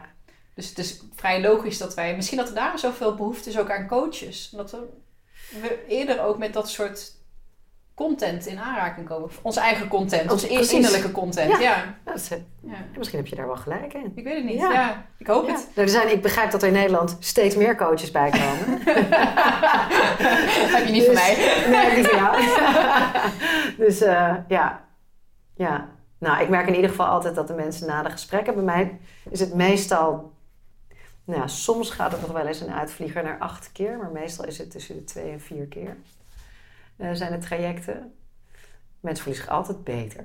Dus, eh, dus dat, Uiteindelijk. uiteindelijk voelen ze zich altijd beter. Ik Ja. vind dat als opruimen. Als ik echt ga poetsen, zo'n voorjaar schoonmaak, dan is het eerst chaos. Want Ja. alles moet van de muren en uitgeklopt en Ja. naar buiten. En dan denk ik halfwege, denk ik, oh, waar ben ik aan begonnen? Wat een mooie metafoor. Ik heb Ik zeg het van de week eh, hier. Gedaan? Oh, oké. ik zeg altijd, het is net de spaghetti. Als mensen bij me komen, het vaak Oh, ja. één grote bord spaghetti. En daar zit wat ze denken, wat ze voelen, wat ze ervaren. Alles zit erin. En dan samen gaan we ze uitleggen. Oké, dus dit denk je, oh, dus dit voel je, oh, dus dit ervaar je, oh, dit heb je meegemaakt. En dan al die lijnen proberen te organiseren. Ja. En, en, en te structureren, waar zit wat. En je komt toch weer terug ook op die stilte. Want ook dat, want ik denk dat daarom die coaches zo belangrijk zijn. Dus dat het he- veel moeilijker wordt om zelf die stilte te creëren. Om het jezelf te gunnen of om... Wat is het een coach? Niks anders. Ah, nee, niks anders, maar Ja. eh, gechargeerd. Maar het is een moment van reflectie wat je jezelf gunt. En je Ja. kan even niks anders doen dan die vragen beantwoorden of het gesprek aangaan Ja. met die persoon. Ja. En dat doet bijna niemand meer zelf. Want je vroeg aan mij van, heb je coaching nodig? Ja. Eh, ik reageerde v- volgens mij gisteren nog bij eh Sarai Pannenkoek. Die het is meer, gaat meer richting, nou maakt het niet zo uit. Maar dat ik denk van, zonder stilte nu, zonder dagen dat ik geen mensen offline Ja. of me even, zou ik mezelf niet meer kunnen zijn. Ongelooflijk, wat mooi. Ja, maar Ja. dat is ook wel wees van wow, je bent zo, je bent zo gehypnotiseerd, zeg maar, door alles, Ja. dat je niet meer, oh, maar wat, wat zit er hier dan nog? Ja, Ja. wat gebeurt er van binnen? Ja, Ja, ja dat centered is wel echt, het is belangrijk. Het helpt je, en dat zeg ik altijd in coaching, want soms, nou, dan ga ik een coaching traject met iemand aan en dan zegt ze van ja, hoe eh, ga jij ervoor zorgen dat ik me voel over zes sessies? Hoe ga jij mij fixen? Ja, en die vraag krijg ik dan. En dan zeg ik, ja nou ja, jij gaat iets doen. Ik ga je alleen maar begeleiden naar jouw antwoord. Ik heb jouw antwoord niet. Ik weet helemaal niets van jou. Ik weet helemaal niet waar je vandaan komt. Of wat de lijntjes, wat de mobiel is. Wat de lijntjes zijn. Ehm, maar ik kan je wel helpen om er te komen. En dan als ik je eenmaal help om daar te komen, kan je het zelf. Ja. Dat is eigenlijk jezelf overbodig maken. Ja, En dat is een mooi eh, doel. super mooi. Ook dat je dat wandelend doet. Ja, ik woon Ja. hier, eh, ja, je, hebt, je ziet Ja, het. is Ik prachtig. stap naar buiten en ik ben in het bos. Ja. Dus ik ga heel vaak gewoon, eh, gewoon even slenteren, wandelen, forest bathing. Forest bathing.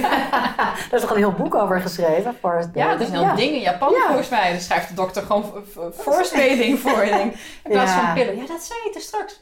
Eén op de drie Amerikanen slikt... Ja, volgens mij is het nu 1 op 3, maar eh, correct me if I'm wrong. Ik, dat moet ik opzoeken, maar ik volgens mij het zijn er heel erg veel. ehm, een opiaat. Ja, Of in ieder geval een, een, een, een verdover. verdover. Ja. Ja. en je krijgt het heel snel. Ik vertelde jou net dat ik, eh, dat mijn appendix, hoe noem je dat, mijn eh, blinde darm er daar uitgehaald in mijn eerste jaar. En ehm, ik kwam binnen eh, op de eerste hulp. En het eerste wat ze willen doen is je helemaal plat spuiten. Want je moet niet op hun, in hun ziekenhuis, dat er iets misgaat. Hè? Dan zit je meteen met liability. En, en het is ook uit menselijkheid hoor. Ik bedoel, maar ja, het gaat denk ik net een stapje verder. En ik weet nog, ehm, nadat, want ik werd dus eh, de OK ingereden. Toen moest ik net voordat ik naar binnen, ik lag op mijn rug, moest ik dus liggend nog al die waivers tekenen. Van, hè, ik klaag het ziekenhuis niet aan als dit en dit. Net voordat ik naar binnen ging. Dat vond ik best wel spannend.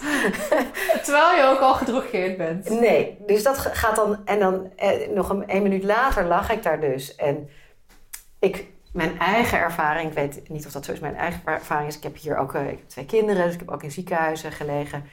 Hier gaat alles in overleg.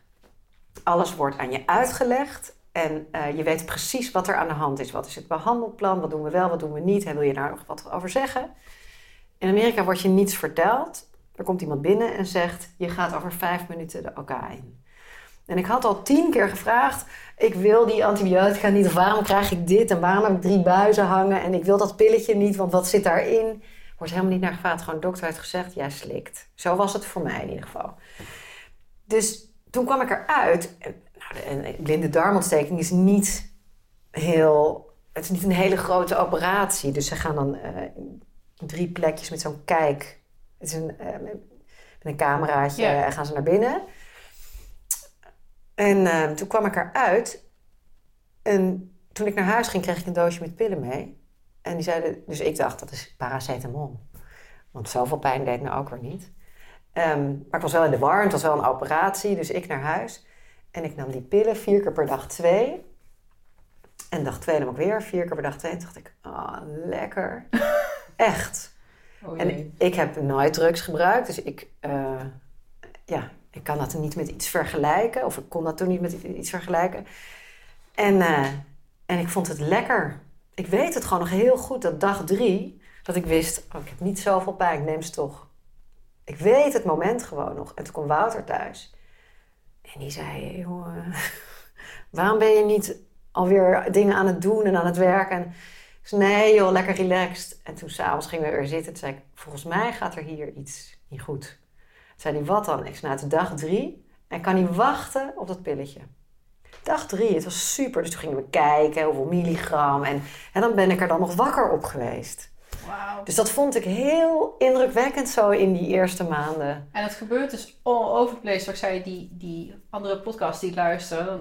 Ja. Dat inderdaad, je hebt dat inderdaad heel snel. Ik weet het x aantal maanden dat je na een x aantal dagen, maar helemaal na, want uh, je, je krijgt een kuur voor 27 dagen of 30 dagen gemiddeld. Ja. En dat je na 7 dagen eigenlijk al verslaafd bent. Ongelooflijk. Om even, dus daarom hoor ik jouw anekdote en denk ik, ja, dat klopt helemaal in wat in wat ook in de epidemie waar zij nu last van hebben. Want als iedereen dat doet en iedereen denkt, oh, ik ben geopereerd en het is voor de pijn. Je, je vertrouwt die dokter. Ik vertrouwde hem gewoon. Oh, ik moet dat 30 dagen slikken. Maar eigenlijk ben je op dag 7 ben je gewoon Addicted. verslaafd.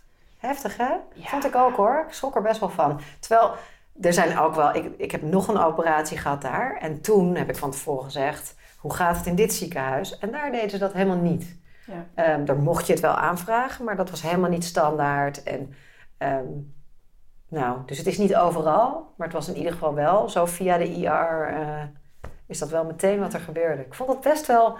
En ik, ja, in mijn contacten ook met mensen. Ja, je weet het natuurlijk nooit. Maar je bent er wel alert op, zeker. Ja, ongelooflijk. Ja. Het is toch een hele andere wereld. Even snel. Uh, ja, wil je hem lezen? Mannen en vrouwen. Oh ja, mannen en vrouwen. Nou, een leuke anekdote. Ja. ik ben ooit, ik weet, ik weet niet zeker of ik het in de podcast al een keer heb verteld, ik denk het wel. Uh, in een ceremonie, in een ceremoniële context, als een meisje wat hielp, vrouw, persoon moet ik eigenlijk zeggen. En ze kwam op een gegeven moment uh, naar me toe en ze pakte mijn armen zo. En toen had ik mijn tatoeages ook al. En toen zei ze, jij bent een two-spirited person. Dat zijn we in principe allemaal. Alleen de meeste zitten, hè, man op het het, uh, de schaal tussen vrouwelijke energie en mannelijke energie. We hebben altijd beide. Meestal neigt de ene heel erg naar het vrouwelijke of naar het mannelijke. En ze pakte mij vast. Ze zei, je bent een two-spirited person en je zit wat meer in het midden. Net als ik. en ik weet dat het moment dat ze me pakte, Ja. ik zag natuurlijk, ja, mijn linker en mijn rechterarm zijn natuurlijk heel verschillend ook in uitstraling. Van heel mannelijk eigenlijk, wat Ja. sterker, naar vrouwelijker, kleurrijk. En echt in één keer zo, nou, ik kon wel janken. Ik denk, nou, dit verklaart ook gewoon mijn armen. Wauw. en ook, Ja. het klopte helemaal. En ja, ik ben een vrouw en ik voel mezelf ook vrouw. Maar eh, nu ik mezelf dit uit hoor spreken, denk ik nee. ik, vind het, ik vind het heel raar. Ik heb ook in, in een, een van de ayahuasca-avonden in Peru... Nou, ben ik een tijdje bij een eh shamaan geweest. Daar is van intern in zo'n eh, kamp. Eh, minimaal één reis is daar ook over gegaan. Dat ik echt dacht van, ik ben een man. Of in, in, in die droom Ja. had ik een mannelijke verschijning, zeg maar. Ja, was heel seksueel verder. Het was heel bijzonder. Het was, was heel raar. ja, dat kan ik me wel voorstellen. Maar wel echt zo van, het was heel, dus het is al een thema wat wel eens terugkomt. Zo van man-vrouw energie en ook, eh, Ja.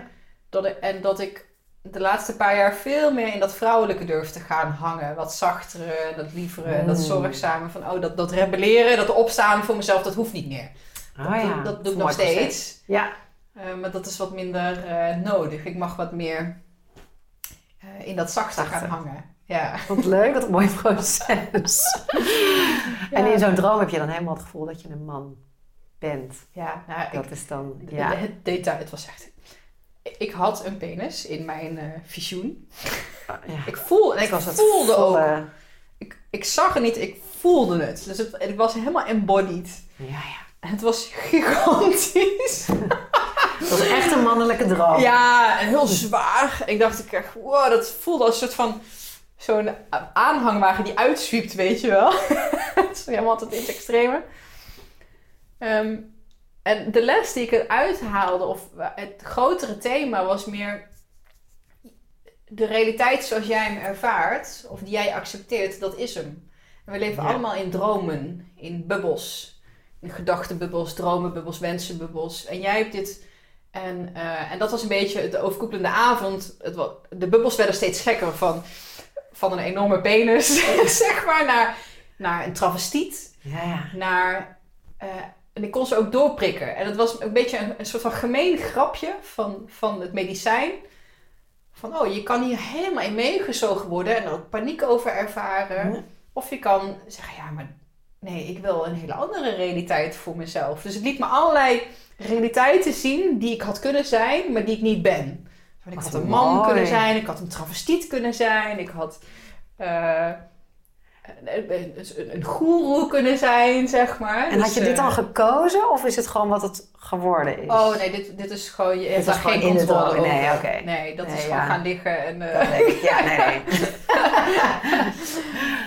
Mijn tijd bij de... Bij de eh, Nee, nee, ik bedoel gekozen in je droom. Had je in je droom gekozen? In Nee. je keuzes bedoel ik. Nee, dat was het. Zo van, het gebeurt. Ja, ja. Oké. Eh, en als jij dat accepteert als waarheid, of als jij dat als waarheid gaat zien, is dat jouw waarheid? dan is het jouw Oh. waarheid. Maar je kiest er niet voor. En het was ook best wel een beetje niet leuk en paniekerig. Zo, Mhm. Ik wil helemaal geen travestiet zijn, weet je wel. Ik wil geen homo zijn. Ik wil geen... Zo van, Ja. maar waar ben ik dan, weet je. Want het, waren een soort van... Een beetje een plant die opkwam met allemaal buds. Allemaal Ja. bladeren, kruidjes. Mooi. En het was een pik, pik. En ze gingen allemaal werden ze weer doorgeprikt. een snelle reis. Dat kan wat heftig zijn dan. Ja, dat, dat was... Ja, Ja. En je hebt lang intern gezeten in Peru. twee weken. Dat is best wel Twee lang. weken. Ik heb acht, eh, acht ceremonies, maar eigenlijk is elke dag eh, van rookrituelen tot Ja. bloembaden, tot modderbaden.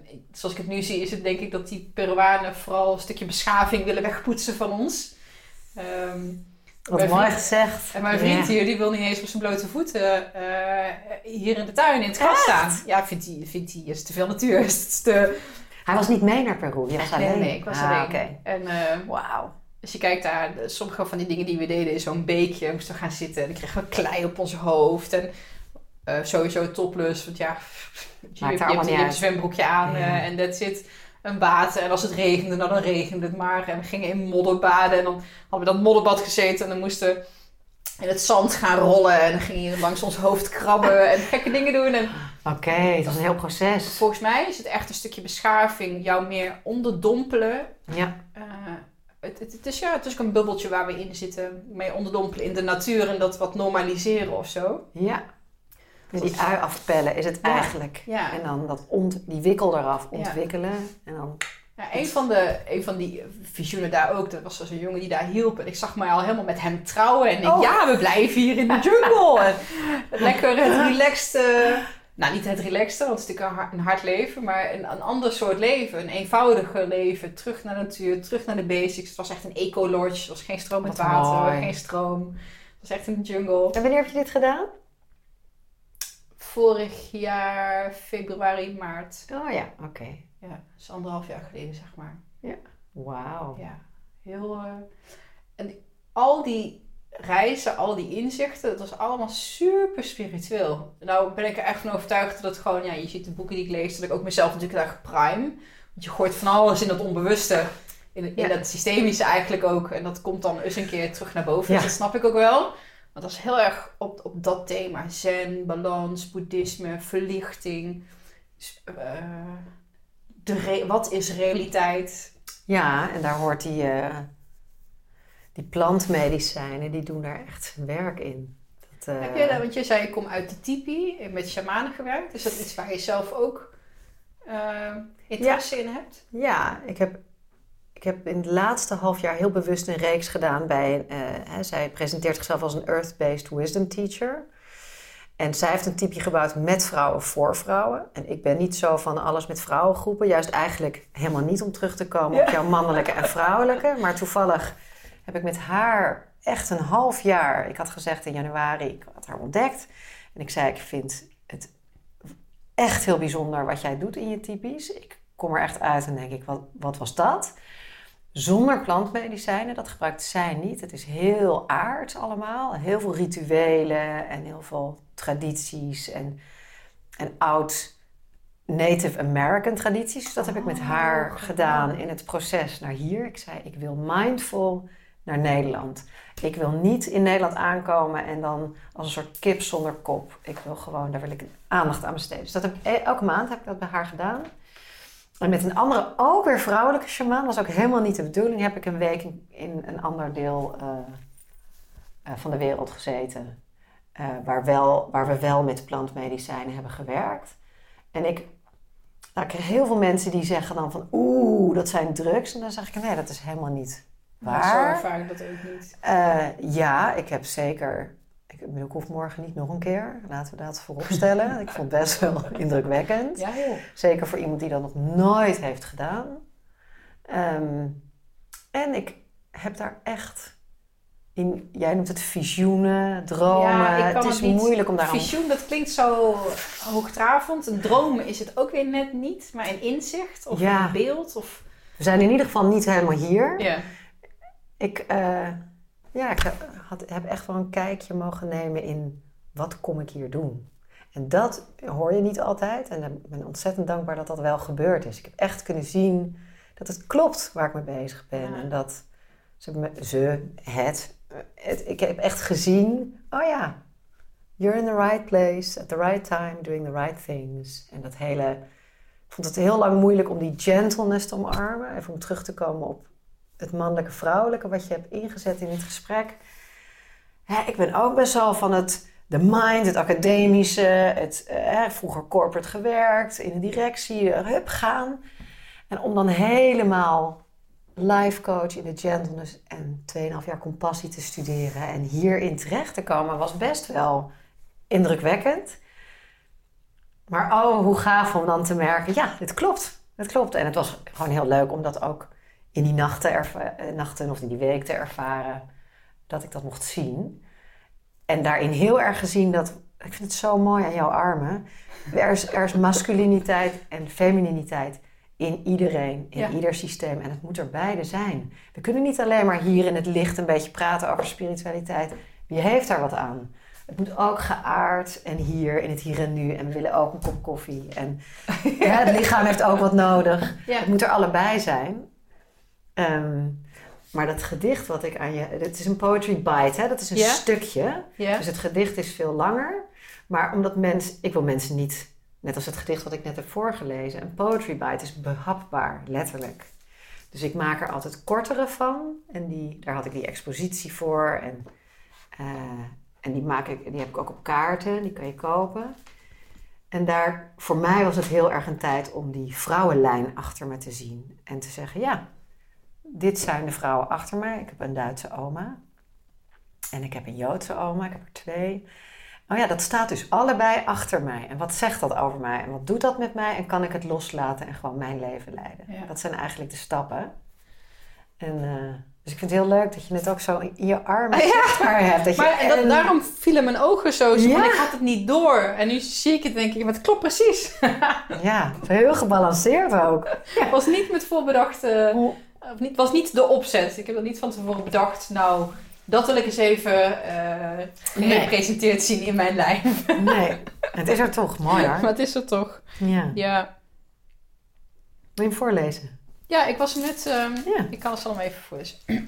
ik heb niet zo'n mooie voorleesstem als jij. Eh, is het woman of women? Women. Woman. Woman. Woman I am. Over jou. Yeah. All the women that I carry in my heart, their hearts beating through mine. A line of women that brought confusion and love and light. This is who I am. En deze, dat, dat that brought confusion, die, ehm, die sprong er wel even uit. Want ik dacht eerst, hé, hey, Dat is helemaal niet zo leuk. Waar gaat dit naartoe?